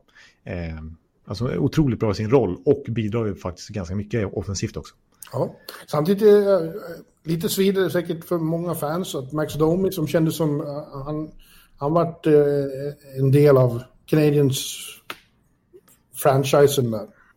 Ja, ja det blev ju bra. Trots att hans farsa är liksom Toronto-ikon så kändes det som att Max Domi verkligen fogade in sig i den fransk-kanadensiska delen ja. av Kanada och, och, och, ville spela där liksom. Och, men nah, något hände förra året. liksom när det, det skar sig lite på något sätt. Jag vet inte, det kändes som att Max Domi skulle bort och det har varit trade kring honom. Och så, så blev det så här. Och vi kan väl säga det med, med, med Anderson. Anledningen till att det blir ett sånt här mastodont sjuårskontrakt, det kan man ju tycka varför. Men eh, ja, det har väl att göra med att eh, eh, om, om bara ett år till så skulle han blivit unrestricted free agent och då skulle han kunna gå till vilken klubb han ville. Och han sa det till, till Montreal. Antingen så skriver vi bara ett ettårskontrakt och så blir jag UFA nästa säsong så får vi se om jag överhuvudtaget blir kvar. Eller så får ni ge mig max, maxkontrakt, sju år. Annars skriver jag inte på. Det var därför Columbus trade honom. För han sa samma sak till dem. Ni får skriva max med mig annars så blir jag UFA nästa år. Och så mm. skiter vi det. Så det var därför det blev ett sånt enormt kontrakt för honom. Ja. Ja, de eh, skaffar sig sen ännu mer dynamit och krut genom att knyta till sig Tyler Toffoli. Eh, och det tycker mm. jag också är, det tycker jag är bra. Ja, det är ju en, eh, det är en, bra, en bra spelare, har varit det länge. Och två Stanley Cups med, ja i alla fall en med LA Kings där han var framträdande där 2014. Mm. Um, ja, och gjorde det bra när han kom till Vancouver och fick spela med Elias Pettersson en hel del. Slutet av säsongen så det är ju en, det är en sniper eh, som håller hög topp 6-klass. Absolut. Men också ha lite av den där energin och lite kraft. Mm. Det som Montreal vill ha. Ja, de, de, vill ju de vill behålla, å ena sidan behålla det fina de har haft, men ser ju vad trend, hur trenderna går i ligan och vill bli lite tuffare också. Ja, ja precis. Det, här är, nej, det känns ganska positivt i, i Montreal. Jag menar, när stoppet ja. kom så var de i 10 poäng från slutspel, så de hade ju missat slutspel. Det hade ju varit en ganska tung säsong för dem. Ja. Men man fick ju upp hoppet igen i bubblan. Alltså de skickade ut Pittsburgh. Ja, verkligen. Och de skakade om Philadelphia, även om det blev 4-1 i matcher så, så ja. var det en jämn serie där Philadelphia verkligen. fick kämpa. Ja, de var verkligen nära flera matcher när de, när de fick stryk också. Och det var ju väldigt mycket positivt, absolut. Ja, precis. Alltså Carey Price visar att han är fortfarande en världsmålvakt deras unga spelare som ska in nu och verkligen ta över på riktigt, Nick Suzuki, ja. Jesper Kotkaniemi, de visar att de är redo. Absolut. Ja, finländarna var ju överhuvudtaget enastående där. Även, ja, Arme och Lekkonen och så vidare. Ja, ja. Så ja, det känns ganska positivt faktiskt i, i Montreal och, och, så lite, ja, de har ju verkligen förstärkt laget nu också, som vi säger här i off-season, inte tappat så mycket utan bara adderat. Ja. Eh, så, ja, jag tror på slutspel. Det tror jag också. Carey Price har flera år kvar. Det, det, känns som en... Nu har de också en mycket värdig backup i, i, i Jake Allen. Mm. Och ja. Edmondson kom in och... Det var ju också in, imponerande tycker jag under slutspelet. De, all ruffa backar var så, var så liksom framstående. Ja, det var precis. Alltså backar som tidigare kanske inte haft så gott renommé. En sån som Brett Kulak. Och så. Petri. Eh, ja, Petri är ju riktigt bra. Fick ju ett stort kontrakt han med. De har förlängt en, en hel del eh, kontrakt. Alltså de ligger verkligen och limmar mot lönetaket. Eh, Montreal, men och de ska... Ja, liksom, ja, rik, de har rika ägare också. Ja, det finns inte brist på pengar där. Så är det. Eh, men eh, vet du hur mycket pengar de lägger på sin målvaktssida? Om man lägger ihop Care Price och Jake Allen kommande säsong. Nej, men jag vet att du vet. Ja. 15 miljoner dollar, det är den dyraste i NHL. Ja, ja det kanske ja. Det har många aktat sig för. Lägga ja. men, men har de möjlighet till det nu, vilket de ju har med så många unga spelare, så why not? Nej, ja precis. Nej. Ja. ja. Nej, men eh, spännande lag. Ja, vi, vi, vi, vi eh, sätter lite guldkant vid Montreal Canadiens, det gör vi. Det gör vi faktiskt. Rolig off-season. Mm. Ja, nu måste till gränsen igen då. Nu är det krångligt att ta sig från Kanada till USA också. Men vi måste visa våra specialpapper vi har fått från, från, eh, från NHL. Och vi behöver inte sitta i karantän, utan vi åker raka vägen ner till eh, hem hit. Vi, tar in, vi, vi bor i min lägenhet nu. Ja, vad skönt. Efter alla dessa dagar på, på hotell och motell och grejer. Nej, Då kan vi pusta ut. Mm. Ja, och så tar vi tåget ut till eh, Newark. Där vi stöter mm. på New Jersey Devils.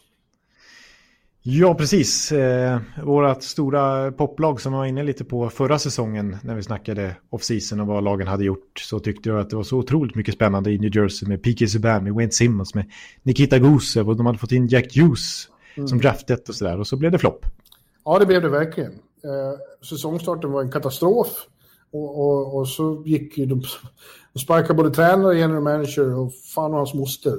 Ja, det var allt. Det var till hål bort och det var Coleman bort och det var Simons bort direkt och det var Vatanen bort och det var kapten Andy Green sen, ja han har ju varit i klubben i ett och ett halvt decennium bort. Så det, det, är ett helt, det är nästan ett nytt New Jersey som vi ska liksom prata om nu. Ja, fast samtidigt så är det mycket av det som vi eh, såg på med, med imponerade ögon då. Framförallt på den yngre sidan är ju kvar. Ja. Samtidigt som de har fått in, eh, tycker jag, en del intressant nu. Eh, framförallt på mm. målvaktssidan då. Corey Crawford kommer ju in. Precis, det känns som att New Jersey helt plötsligt har en av de bästa målvaktssidorna en om man räknar par. Liksom. För Mackenzie Blackwood, deras stora framtidslöfte, visar ju i fjol, trots att det var en tung säsong, att han håller. Ja. Han håller. Och han kommer förmodligen bara bli bättre. Men nu får han en ännu starkare mentor i form av Corey Crawford som fortfarande håller han med. Visst, han har skade, skadeproblem, han har haft ett antal hjärnskakningar, men, men eh, han är frisk nu. Är han frisk så är det ju en, en, en stor tillgång. Precis, alltså jag skulle nog vilja kalla honom en topp 10-målvakt i NHL. Ja. När han är frisk. När han är helt, alltså när han spelar, ah, han börjar bli till åren nu, men ah, det, det är ett starkt målvaktspar, det kan man verkligen säga i alla fall. Ja, och så får de Andreas Jonsson från Toronto och det, det tror jag en hel del på här. Ja, alltså jag tycker nästan de får den gratis. För det var ju en lön, lönedump av, av Toronto. Alltså Joe Anderson som de får in istället kan bli bra. Det, de hoppas att det ska på sikt kanske bli en Blake Coleman-typ för Toronto som ska addera lite sandpapper för dem. Men, men Andreas Jonsson är ju en etablerad NHL-spelare. Han gjorde ju 20, poäng, 20 mål här om året innan han ja. var skadedrabbad förra säsongen. Men det är ju... Jag, jag tror mycket på Andreas Jonsson. Jag tror att han kan bli en kanske till och med en 30-målsskytt i NHL. Ja. Ja, visst. Mm. Uh, och så uh, Ryan Murray som uh, en riktigt stabil shutdown-back. Ja, alltså, ja, alltså han var ju superhypad då.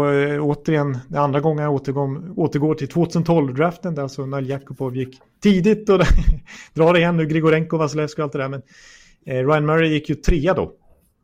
Eh, får anses vara lite av en flopp. Eh, Galchenyuk tvåa, också en flopp. En riktig flopp-draft det.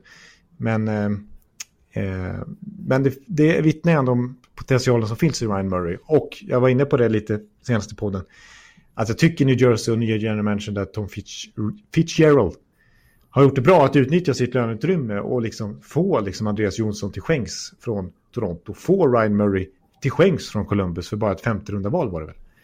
Så ja, jag tycker det är spännande lag som tar form där. Och ett år äldre blir ju nu Jack Hughes. Ett ja, precis. Äldre... Jag skulle säga det. De, alltså, de är ju fortfarande... Jack Hughes vart ju inte riktigt någon succé direkt, men potentialen har ju inte försvunnit.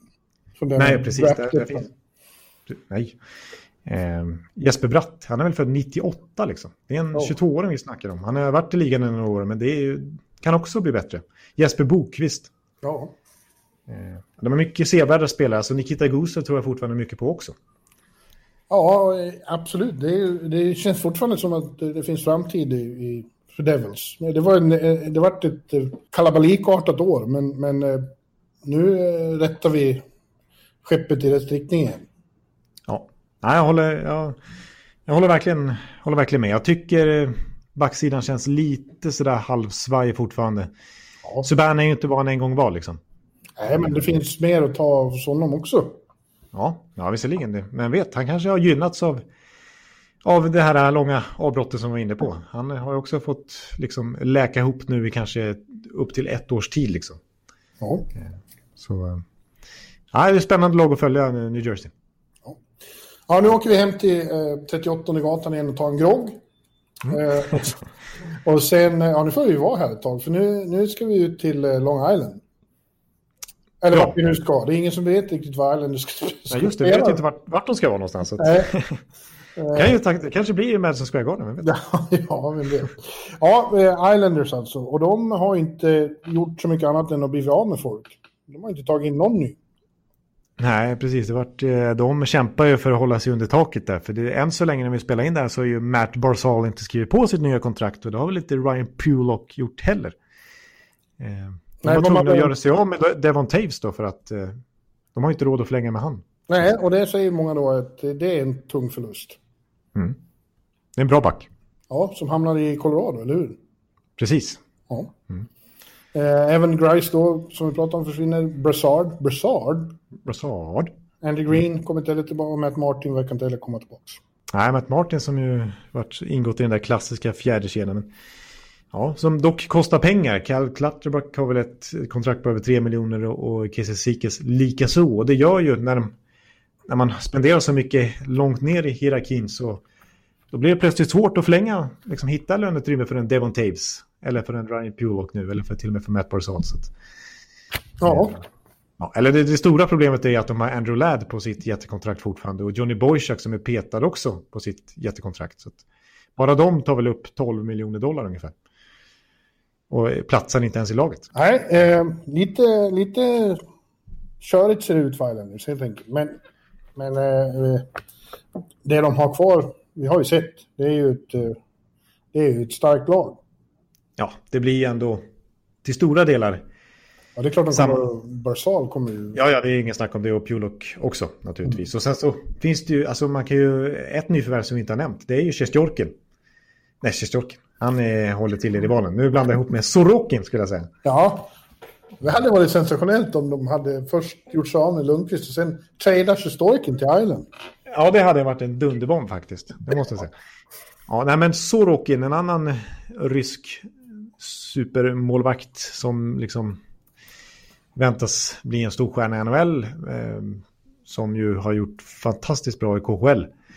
Kallats den bästa målvakten utanför NHL den här gångna säsongen. Eh, han kommer in nu och eh, jag tror han kommer konkurrera ut Valamo direkt och bli första målvakt. Ja, intressant.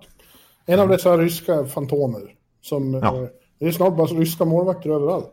Ja, det är bara det är så. Det är otroligt hur mycket ryssar det är. Och Sorokin är definitivt en av dem. Mm. Eh, Så det, det är ju en förstärkning tror jag.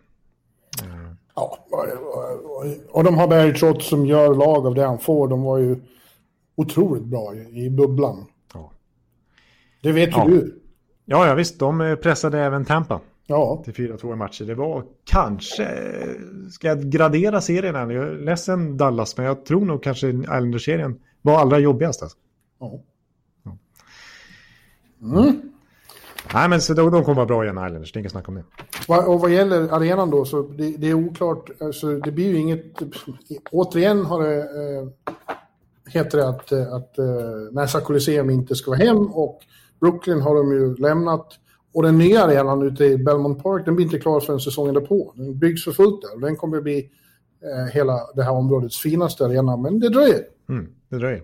Så kanske tur i oturen då för Islanders om det blir massa bubblor överallt. Spelar inte så stor roll om de har en hemmaarena eller inte. Sant. Ja, Okej, hem till lägenheten igen. Nu dricker vi vin. Alltså, gött. Ja, kolla på Shining, tror jag.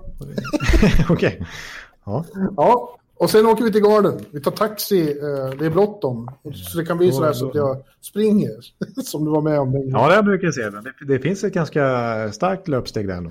Ja, du kommer ihåg det? Vi, stann, vi kom ingenstans och jag sa nej för fan. Nu får vi lov att springa.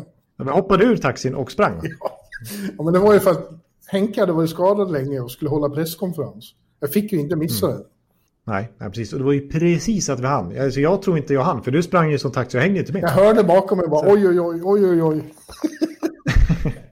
Ja, men jag blev förvånad att du, att du, att du var så snabb. Att jag hade ett sånt klipp i steget, det trodde du Ja, precis. Och framförallt så, så liksom, det är ju enormt mycket människor. Normalt sett i New York, det var det då i alla fall. Eh, och och är, man måste ha en viss teknik för att liksom ta sig förbi alla dem. Ja, Det är inte så lätt. Eh, och det, den tekniken har inte, har inte jag, men du efter eh, 15 år på Manhattan, du vet ju hur du ska ta dig fram. det Liksom. var Ingmar Stenmark. Ja, det var ju Ingmar Stenmark, det var det verkligen. ja, ja. ja, men som sagt, Rangers. Eh, och, mm. eh, där har det ju minst sagt hänt saker också. Ja, det får man säga. Det får man säga. Eh, ja. Man kan väl börja med att bara konstatera att en viss Alexis Lafreniere kommer in till Manhattan och ska spela hockey. Jag tycker vi kan börja med att konstatera att Henrik Lundqvist för första gången... Ja, okej. Okay. Det, det, det är väl en... Det, det finns ju något där för första gången på, på 15 år så är, så är Henrik Lundqvist kan inte dyka upp på garden och bara gå in. Nej. Han är utstängd. Han är Washington-spelare nu. Eh, ja. Och det känns konstigt, men det har vi pratat om så mycket, så nu lämnar vi det.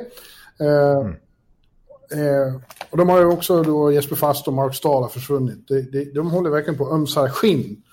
Eh, mm. Det stora grejen är som du säger, draftettan Lafreniere Eh, och så den mycket konstiga signingen av Jack Johnson.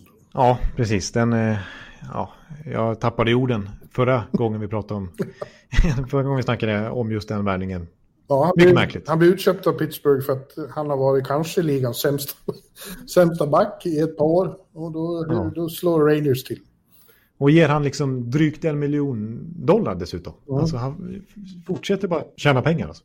Men tydligen är det ju, eh, vad heter han som har blivit assisterande coach nu, som har varit i Pittsburgh så många år? Eh, gamlingen, som var head coach i Montreal. Ja, precis. Chuck, eh, vad heter han? Chuck, Chuck Martin. Ja.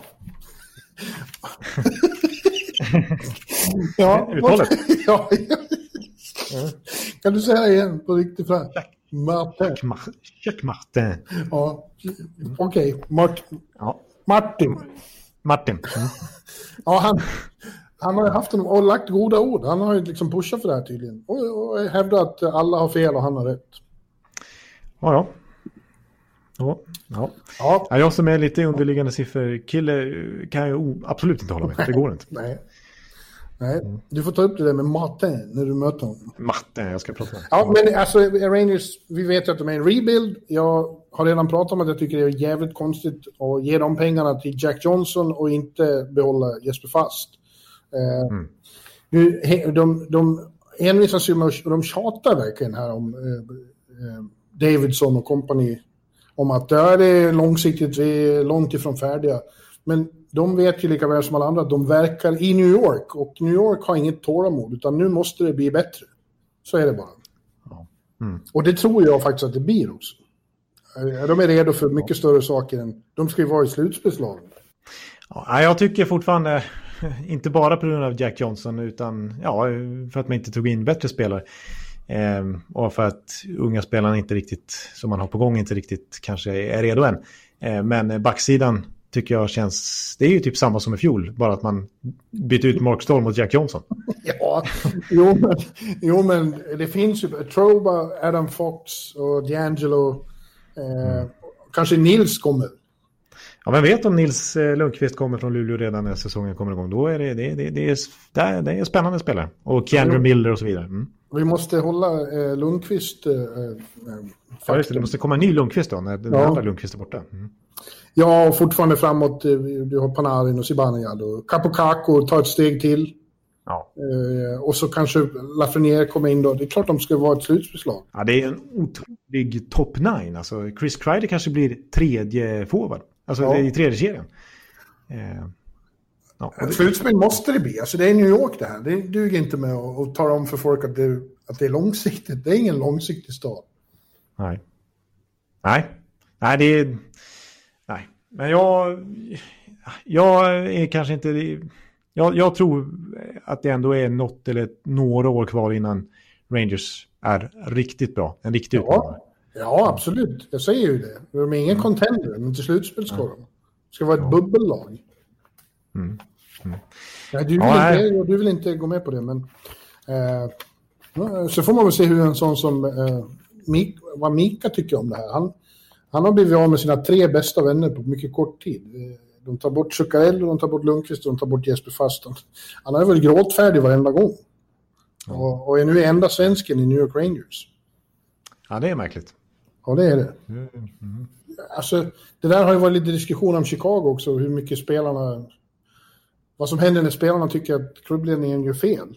Nu vet jag inte om Mika tycker att de rent formellt har gjort fel, men det är ju heartbreaking för honom i alla fall. Och, och ibland kan jag tycka att de borde ta större hänsyn till sånt, hur deras spelare mår. Mm. Deras ja. viktigaste spelare mår, ska jag säga. För att eh, spelare som är glada och en, en, glad Mika är jävligt mycket bättre än en ledsen Mika, tror jag. Ja, alltså, och vilk, alltså det vill jag återigen konstatera. Vilken säsong Mika Zibanejad gjorde förra säsongen. Jag, jag må ja. låta historielös nu, men det är en av de... Alltså det är en riktig toppsäsong i den svenska hockeyhistorien. Alltså. Ja, visst är det. Och du alltså, han gick ju mot 50 mål. Ja, det gjorde han. Du var, ju, du var ju här när han... Eh, ja, när han gjorde sina fem mål. Mm. Ja, det är en av de enskilt största insatserna i en grundserie av en svensk hockeyspelare någonsin här. Ja. Fem jävla mål, vi trodde inte våra ögon. Ja, det var helt sjukt. Det var snygga mål också. Ja. Han fullständigt ägde den matchen. Det var Först tyckte vi det var kul, vi var här med en svensk grupp, vad kul att de får se Mika göra hattrick. Ja. Ja, han är på väg mot ett till hattrick nästan när han avgör på, på övertid med sitt femte mål. Ja, ja, det var galet. Och han vann den svenska poängligan med nio poäng före Elias Pettersson. Så jag kan tycka att det där var en bland det allra tråkigaste med att säsongen blev som den blev. Att, inte, att han inte fick chansen att fullfölja den, den säsongen. Alltså, fan. Ja. Det, var en, det var en historisk säsong. Ja. Han var otroligt bra. Nej, jag tycker Rangers offensiv ändå ser otroligt... Men det, jag skulle återkomma till det då. Eh, Jesper Fast, alltså att man inte behåller honom. Eh, och det här lite skenba, skenbara löneutrymmet ändå som Rangers tycks ha. Alltså, det ser ut som att de har mycket löneutrymme, men ja, jag vet inte hur mycket jag ska gå in på det här, för det är ganska avancerat och det är mycket siffror, men det har att göra i alla fall med bonusarna i rookie, alltså i spelare med rookie-kontrakt. Alltså, det som räknas mot lönetaket är den faktiska lönen och den är ganska låg, men de kan ha bonusar som blir betydligt högre. Alltså Alexis Lafreniere kan tjäna upp mot 3 miljoner dollar, men mot lönetaket just nu ser det bara ut som att han tjänar strax under en miljon dollar. Mm. Eh, och det där måste ändå Rangers ta höjd för, för att många av de här unga spelarna, alltså Kakko har också rookieavtal, Aaron Fox, ja, men, ja, så vidare. Så, och de har ju faktiskt en, en för att de slog i taket lite i, i till, man får bara komma upp i ett visst antal performance-bonusar per säsong. Och där tror jag faktiskt Rangers slog i taket förra säsongen så att de får ett straff eh, på ett antal miljoner dollar den här säsongen. Så de har faktiskt inte 81,5 miljoner dollar i lönetaksträff kan man säga då kommande säsong utan lite mindre på grund av att de överträdde den gränsen i fjol. Ja, det blev avancerat Jag ska inte gå in på för mycket. Men det, det i alla fall gör att, att Rangers faktiskt inte har så jättemycket löneutrymme. Nej, det är i alla fall fel att ta bort Jesper. Ja, Ja, men det håller jag ändå med om när, man, när de tar in Jack Johnson då för över en miljon också. Ja. Ja, men du, eh, ta fram passet igen. För nu ska vi över gränsen ännu en gång. Sitta i karantän i två nya veckor. Ja. Det är ambitiöst det här. För nu, ja, det är det.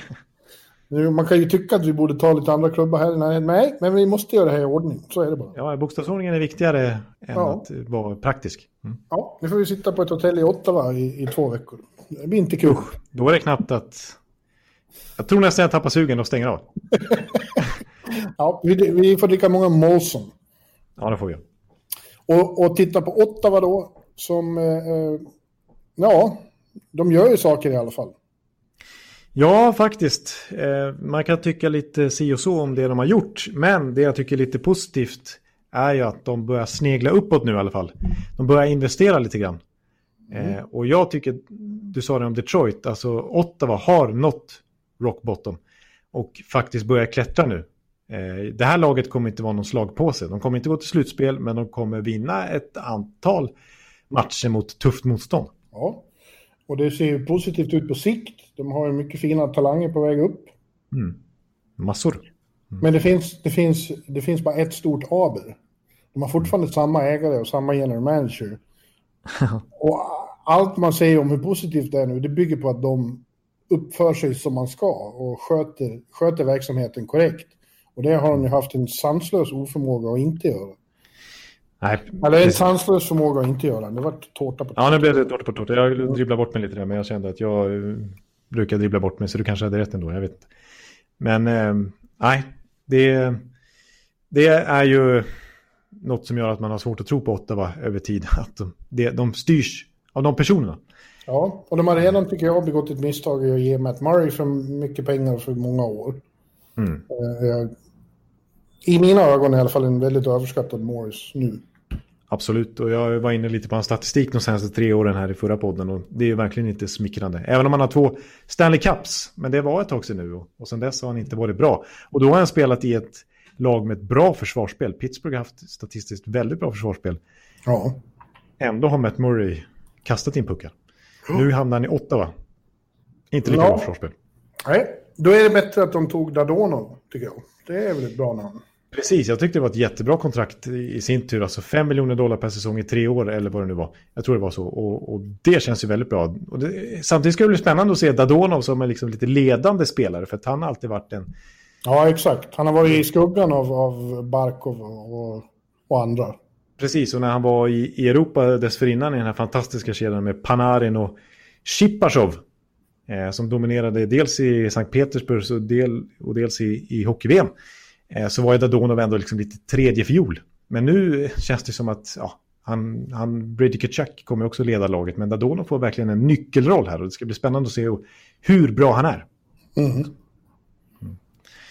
Men, eh, ja, men sen är det som du säger, väldigt många talanger. Eh, som det ska bli spännande att följa också. Deras AHL-lag har ju varit proppat med talanger. Eh, och mm, ja, varit väldigt bra. Jag följer ju AHL lite grann och de vann ju sin division, eller ledde sin division vid stoppet ganska överlägset. Samma division som Tampas farmarlag spelar i. Det är därför jag har extra koll på Ottawa. Eh, och ja, de kan ju plocka upp en kedja där som jag tror kom, kanske blir andra kedja. Eller vi får se hur de formerar. Men det, tre väldigt bra spelare i deras AHL-lag som kommer få ganska stora roller nu i NHL. Det är dels Josh Norris som kom i Erik Karlsson-traden. Eh, från San Jose, han var draftades egentligen av San Jose, men fantastisk AHL-säsong i fjol. Eh, Drake Batterson som jag tror väldigt mycket på också. Jättebra powerplay-spelare. Styr spelet från höger cirkel på ett fantastiskt sätt. Bra passningsspelare. Alex Formenton också. Ja, det, det finns många unga forwards där på gång. Och sen så många bra backar också. Thomas Chabot som redan är en elitback. Och så Erik Brännström som vi väntar på kanske ska bli det. Ja, absolut. Kan de bli. Du, eh, nu ska vi göra en lång resa igen, så jag ska gå och hämta kaffe igen. Jaså, Ja, vänta lite. Du kan... Sjung något. ska jag sjunga igen? Jag var ung en gång för länge som en flottare med färg. Alla jäntor var som vax ut i min famn. I alla torp, i alla dyr hade jag en liten vän. Ifrån Norderåsters skiljet ner vid berg. Vad är det här nu då? Hade rian, hade Ah. hade... Ja, ja. Ja, ni får mycket eh, sidospår i den här podcasten. That's for sure. Ja, där spårar du lite grann. Ja, men nu har vi kört hela vägen ner igen eh, till Philadelphia. Ja, vi kan nämna det. att Nu är vi på slutspurten här. Nu är det trots allt bara vad är det, fem lag kvar. Ja. Och vadå, har du tråkigt eller? Nej, nej, nej, nej, verkligen inte. Nej, Vi kör, vi kör på minst en halvtimme till här tror jag. absolut. Vi kör tills vi är klara. Eh, och ja, Philadelphia. Där har det eh, inte hänt så mycket. På, de har inte fått in så mycket. De har blivit av med några... Oväntat nog gick ju meddelade Matt Niskanen plötsligt att han skulle pensionera sig. Ja, det var ju konstigt eh, tyckte man. Han som ju är 86, alltså 34 då. Ja, visserligen. men- Ja, men det är lite för tidigt, tycker man. Ja, och jag tror, alltså visst, det öppnar löneutrymme. Då tänkte man att de kanske ta in en minst lika profilstark back för de pengarna. Men eh, jag, jag tror att det är lite tapp, alltså en högerfattad, defensivt skicklig back. Det kändes som att även om han kanske inte är lika bra som han var i sin prime så, så ingav han lite stabilitet där och gjorde att en sån som Provorov kunde släppas lös lite mer. Ja, fast jag tycker att de har hittat en rätt så fin... En, inte bara rätt så, jag tycker de har hittat en fin in- ersättare i Erik Gustafsson. Som Han kom är in på ett lika- ettårskontrakt på 3 miljoner dollar. Mm. Ja, inte, om han blir lite starkare defensivt så är, det ju, det, är han ju en större tillgång offensivt. Absolut, en mycket större tillgång. Och det pratas ju om att han ska få chansen i första PP. Där de haft lite problem och att han ska bli den nya Shane Gostisbehere som fortfarande är kvar. Eh, Gostisbehere som har haft problem eh, senaste åren. Inte alls varit lika bra som han var för några år sedan när han slog igenom ett under och bråck. Eh, Nej. men eh, ja, samtidigt tycker jag att det är lite kaka på kaka med Gostisbehere och med Erik Gustafsson och med Phil Myers och lite sådär. De har många offensiva backar de har många leftare och så tappar de defensivt viktiga Matt Niskanen och ytterligare en rightare. Liksom, så att... Ja, men det hade de ju inte tänkt. Det är inte riktigt deras fel. Nej, nej, precis. Eh, i, övrigt, I övrigt är det bara förlust, inga tunga förluster i Derek Grant, Tyler Pitlick och Nate Thompson. Eh, det är, är väl ingen man måste bli av med, men, men det är inget som hjärtat går sönder av att de försvinner heller. Nej, verkligen inte. Nej, det är ju ett, det är ett starkt lag, Philadelphia. Jag blev lite besviken på den senare delen av slut, liksom, bubbellivet där när det kändes som att stjärnorna svek och de... Jag menar, Giroud kunde inte göra poäng, Voracek kunde inte göra poäng. Couturier var inte ens speciellt bra. Connectny gjorde inte ett enda mål. I... Nej, men det var, det var det där med att de, eh, de led av det, att det blev trängre om utrymme och mindre tid och så. De blev borttagna. Men det var ju andra som... Slutet av, av grundserien så länge den pågick så var de ju riktigt bra och början av slutspelet så var de bra. Precis, de vann ju samtliga round robin-matcher mot, mot Boston, Washington och Tampa där. Och sen så, som du säger, de var ju formstar formstarkaste laget i hela NHL när stoppet kom. Och de slutade ja. ju faktiskt sexa av 31 lag i NHLs grundserie när stoppet kom. Så att, eh... Ja, de är intressanta tycker jag. Och så, som, som vi vet och som jag tjatar om så har de äntligen en riktigt, riktigt bra målvakt i, i ja. Carter Hart. Precis, som de kommer kunna ha i decennium minst framöver. Så det ser ju väldigt tryggt ut där helt plötsligt. Ja. Eh, så, och det är, det är ett starkt lag det för att De är en contender. Det kommer de att vara ett tag tror jag. Mm. Ja, så får vi se. Mm. De har... Eh, Vigneault brukar vara bäst eh, första andra säsongen så honom kan man räkna med också, tycker jag. Ja, det, det, det tror jag också. Sen får vi se. Alltså det, det pratades ju om... Jag menar, Pietrangelo till exempel, där att de skulle gå efter honom och det är precis som många andra lag. Och sen så har det ju mer eller mindre bekräftats att de pratat med Patrik Laine, eller med Winnipeg om Patrik Laine. Så det, det, känns ju som att de har ändå diskuterat någonting större, men det har inte hänt än. Kanske att det kan hända något mer i Philadelphia innan nästa säsong börjar. Ja. Mm. Ja. ja Patrik, in med Patrik Laine här, då jävlar. Då, då jävlar. Ja. Mm. Skon, skonsamt kort resa rakt över delstaten nu, Mr. Eh, och vi, så vi kommer till, eh, till Pittsburgh. Vi tar 76an från Philly och eh, eh, hamnar i, hos rivalen Pittsburgh Penguins. Och där ja. har ju eh, den ibland väldigt oförutsägbara general managern Jim Rutherford verkligen varit aktiv. Ja, precis. Det är han ju alltid egentligen. Alltså, jag räknar ut här i, inför podden vill jag bara kolla upp med Pittsburgh hur många trade han har gjort. Alltså Kasperi Kapanen-traden som, som skedde där i, i början av september när han tradade till sig Kasperi Kapanen. Det var ju alltså den femtionde traden han har gjort. Sen han tog över Pittsburgh 2014 var det väl, eller, ja, då, eller om det var 2015. Eh, de senaste 16 månaderna, alltså sen starten av förra offseason, så har han gjort 15 trader. Så 15 trader på 16 månader. Nästan en trade i månaden. Ja. Ja, ja och eh, ja, så tycker man ju är lite konstigt. Eh, och jag tror att det, det var inte många spelare i Pittsburgh som blev glada när han tradade bort Patrik Hörnqvist mot Mike Matheson. Nej. Nej, den, den, den traden har vi ju pratat lite om i tidigare poddar och vi tycker att Hörnqvist är en... Alltså det är ju helt olika roller de, de fyller. Det är ju en back mot en forward. Men, men Hörnqvist kändes viktig för Pittsburgh. Ja. Eh, medan Matheson var, är, var ett problemkontrakt för Florida. Och han kommer inte få någon stor roll i Pittsburgh förmodligen. Utan kanske tredje backpar. Och lägga 5 miljoner dollar på en sån back. Det, eller om det är 4,5 eller vad han har nu. I den häraden i alla fall, Mike Matheson. Det är konstigt. Ja. Kasperi Kapanen är väl en, en helt okej okay, eh, pjäs? Ja, precis. Alltså, lite upp och ner, väldigt ojämn i Toronto. Hög högsta nivå, låg lägsta nivå. Ja, nu, alltså, men det, det, känns ju ändå spännande när man tittar på, på alltså när man har Crosby och Malkin som sin one-two punch.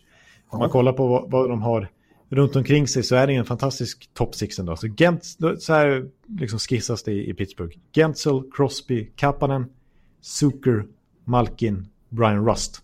Ja.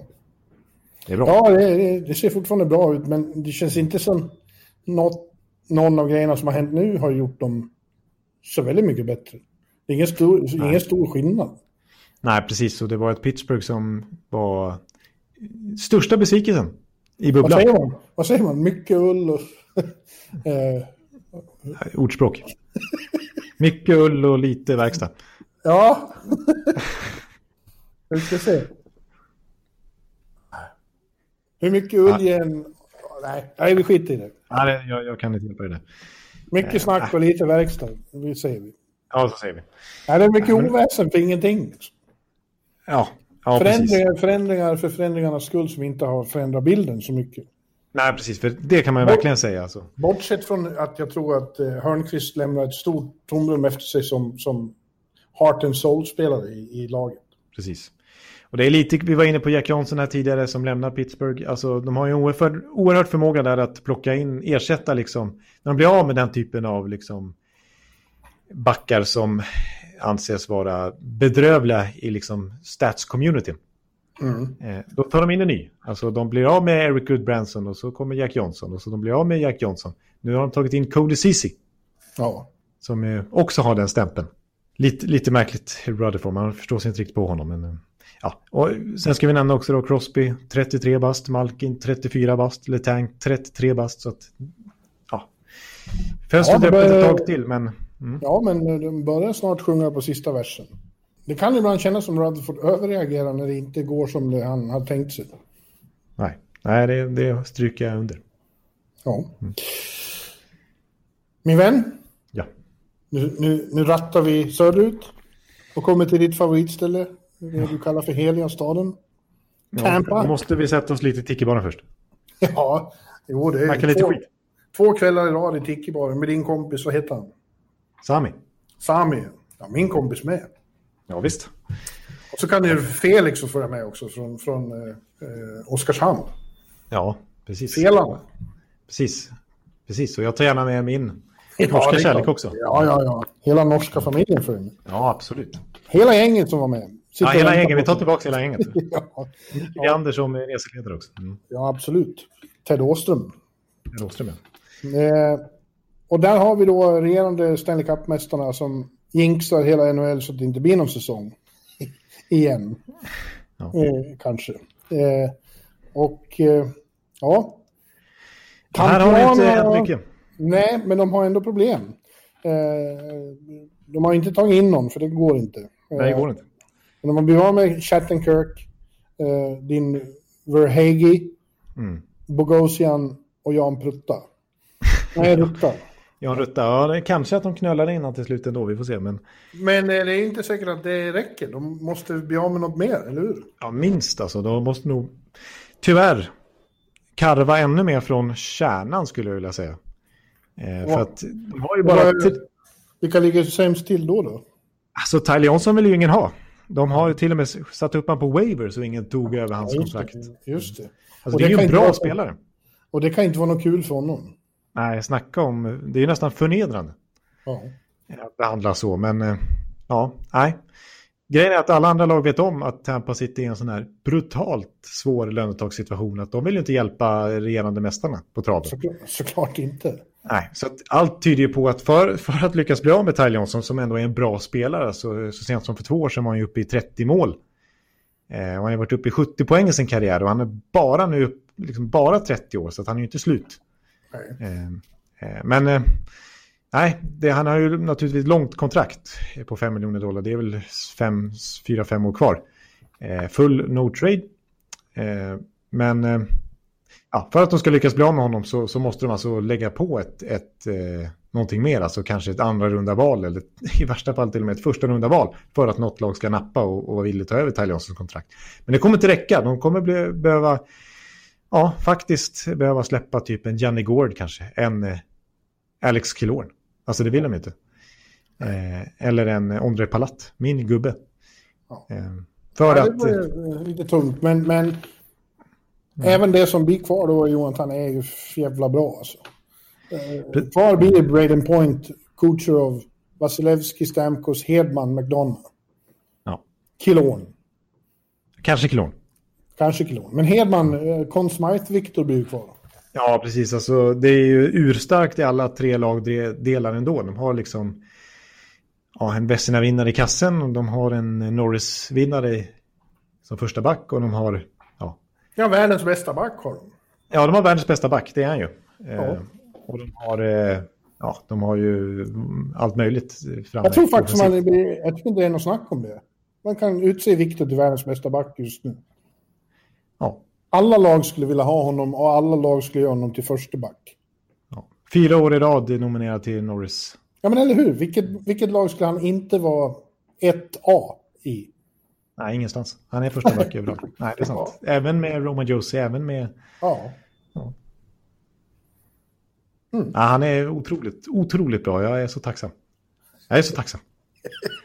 ja, så att, eh, ja, visst, eh, det är ju extremt svårt att upprepa, men de kommer att vara ett... Eh, såvida de inte åker på en baksmäll av Guds nåde så är de ju en contender igen. Absolut, så är det. Jag ska bara förtydliga det om, om ni inte hänger med på det. Alltså att, att Sergachev, restricted free agent, fortfarande skriver på nytt kontrakt. Anthony Cirelli, samma sak, inget nytt kontrakt än. Erik Sernak, viktig back faktiskt också, inget nytt kontrakt än. Det är därför, de har bara 3 miljoner i löneutrymme. De här tre spelarna kanske kommer kosta 11-12 miljoner ihop.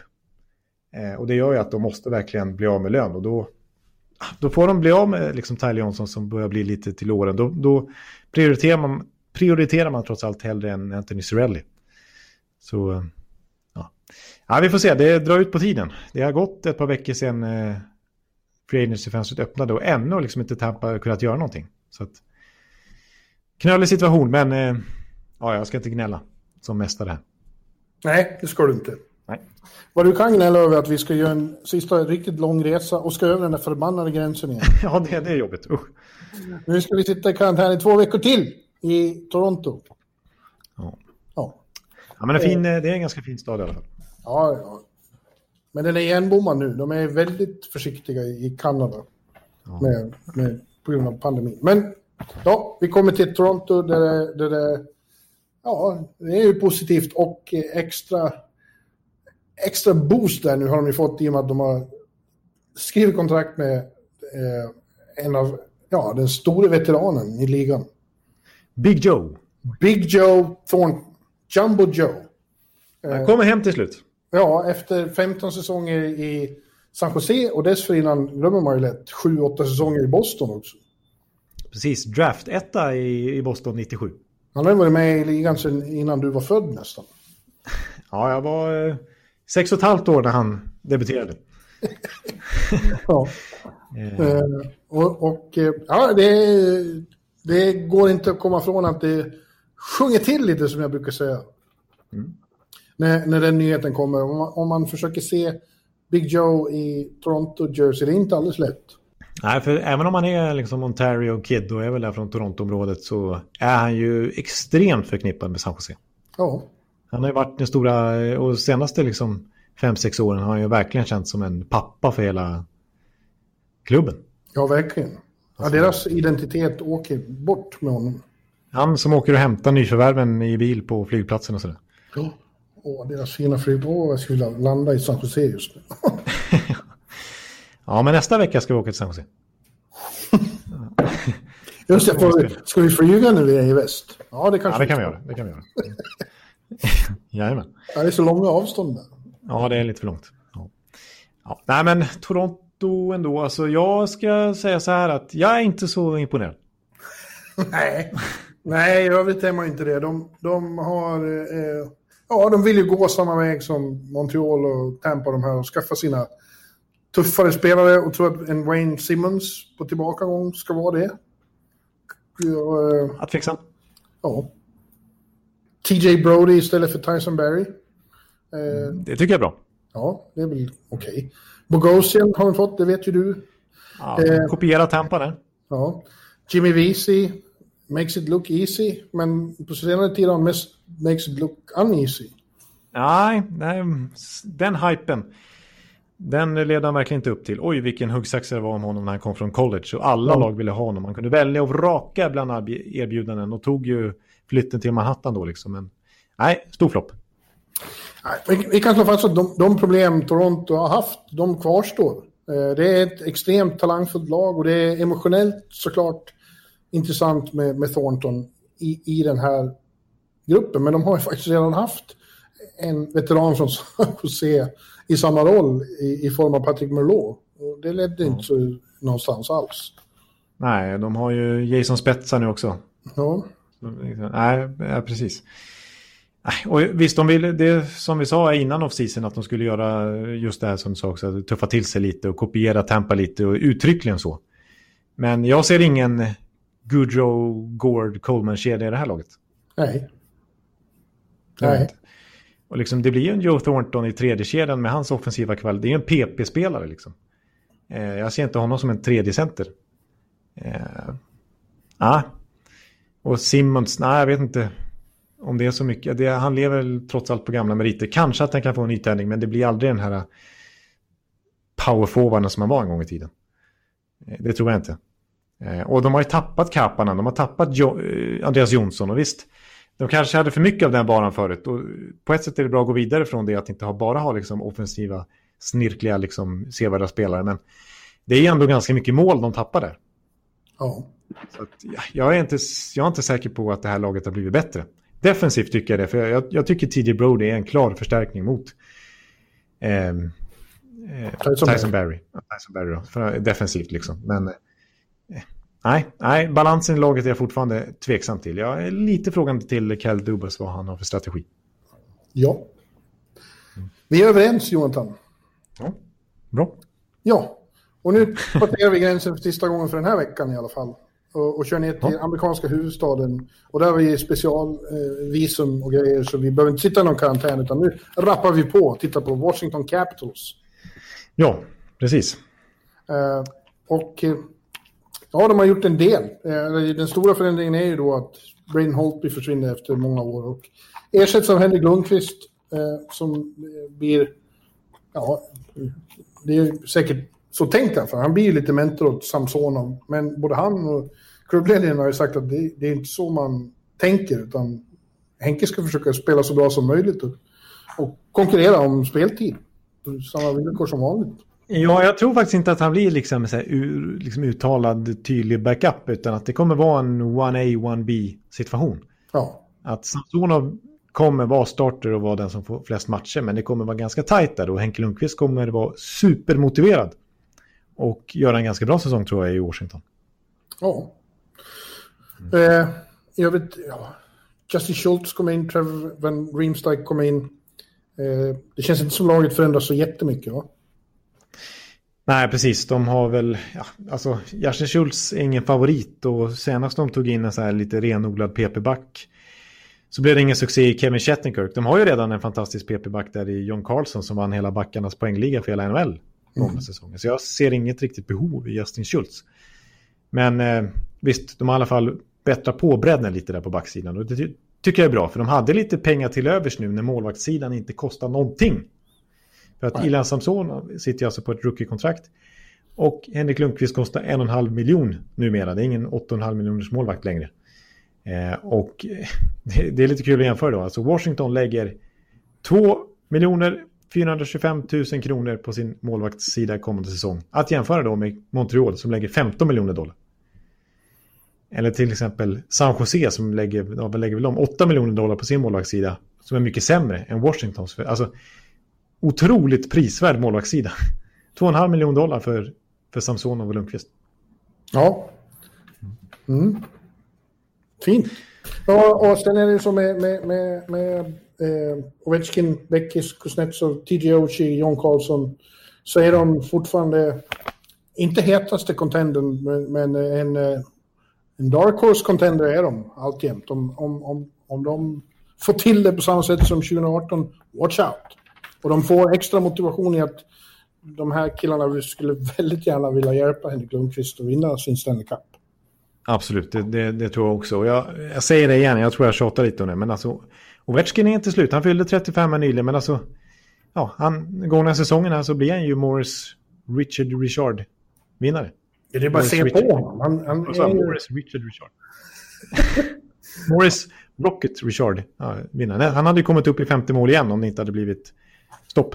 Ja, och du ser på honom. Han är ju en evighetsmaskin. Han är aldrig skadad. Han, han, han bara kör.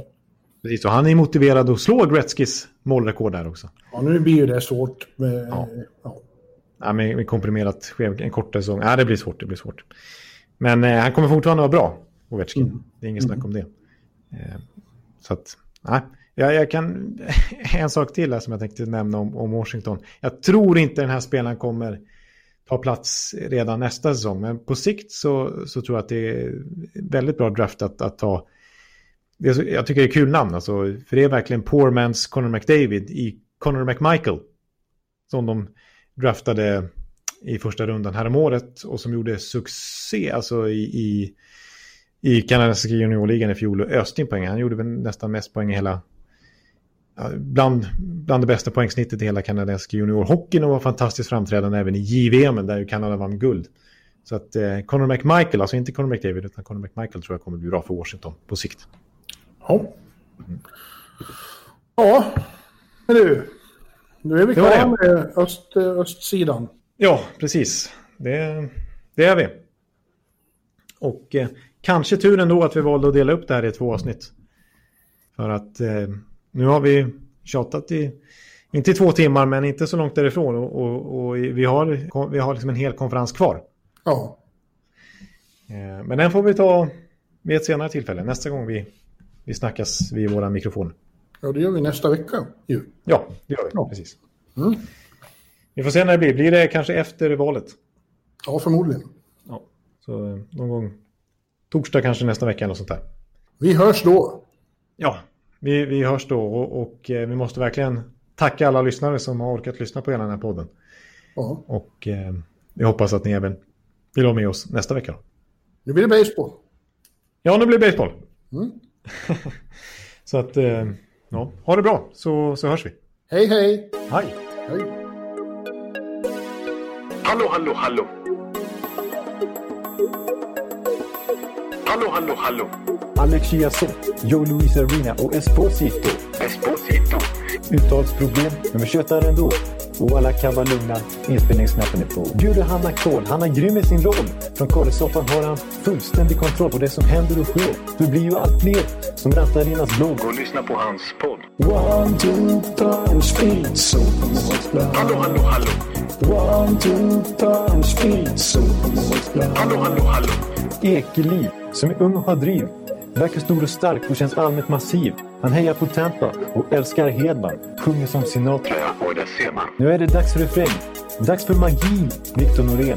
Du är ett geni. Så stand up at home and remove your hats. Höj volym, för nu är det plats. One, two, time, speed, so Hallå, hallå, hallå. One, two, time, speed, so Hallå, hallå, hallå. One, two, time, speed, so Hallå, hallå, hallå. One, two, time, speed, so Hallå, hallå, hallå. Det är otroligt länge sedan båda samtidigt var så här bra. Hallå, hallå, hallå. Det är otroligt länge sedan båda samtidigt var så här bra.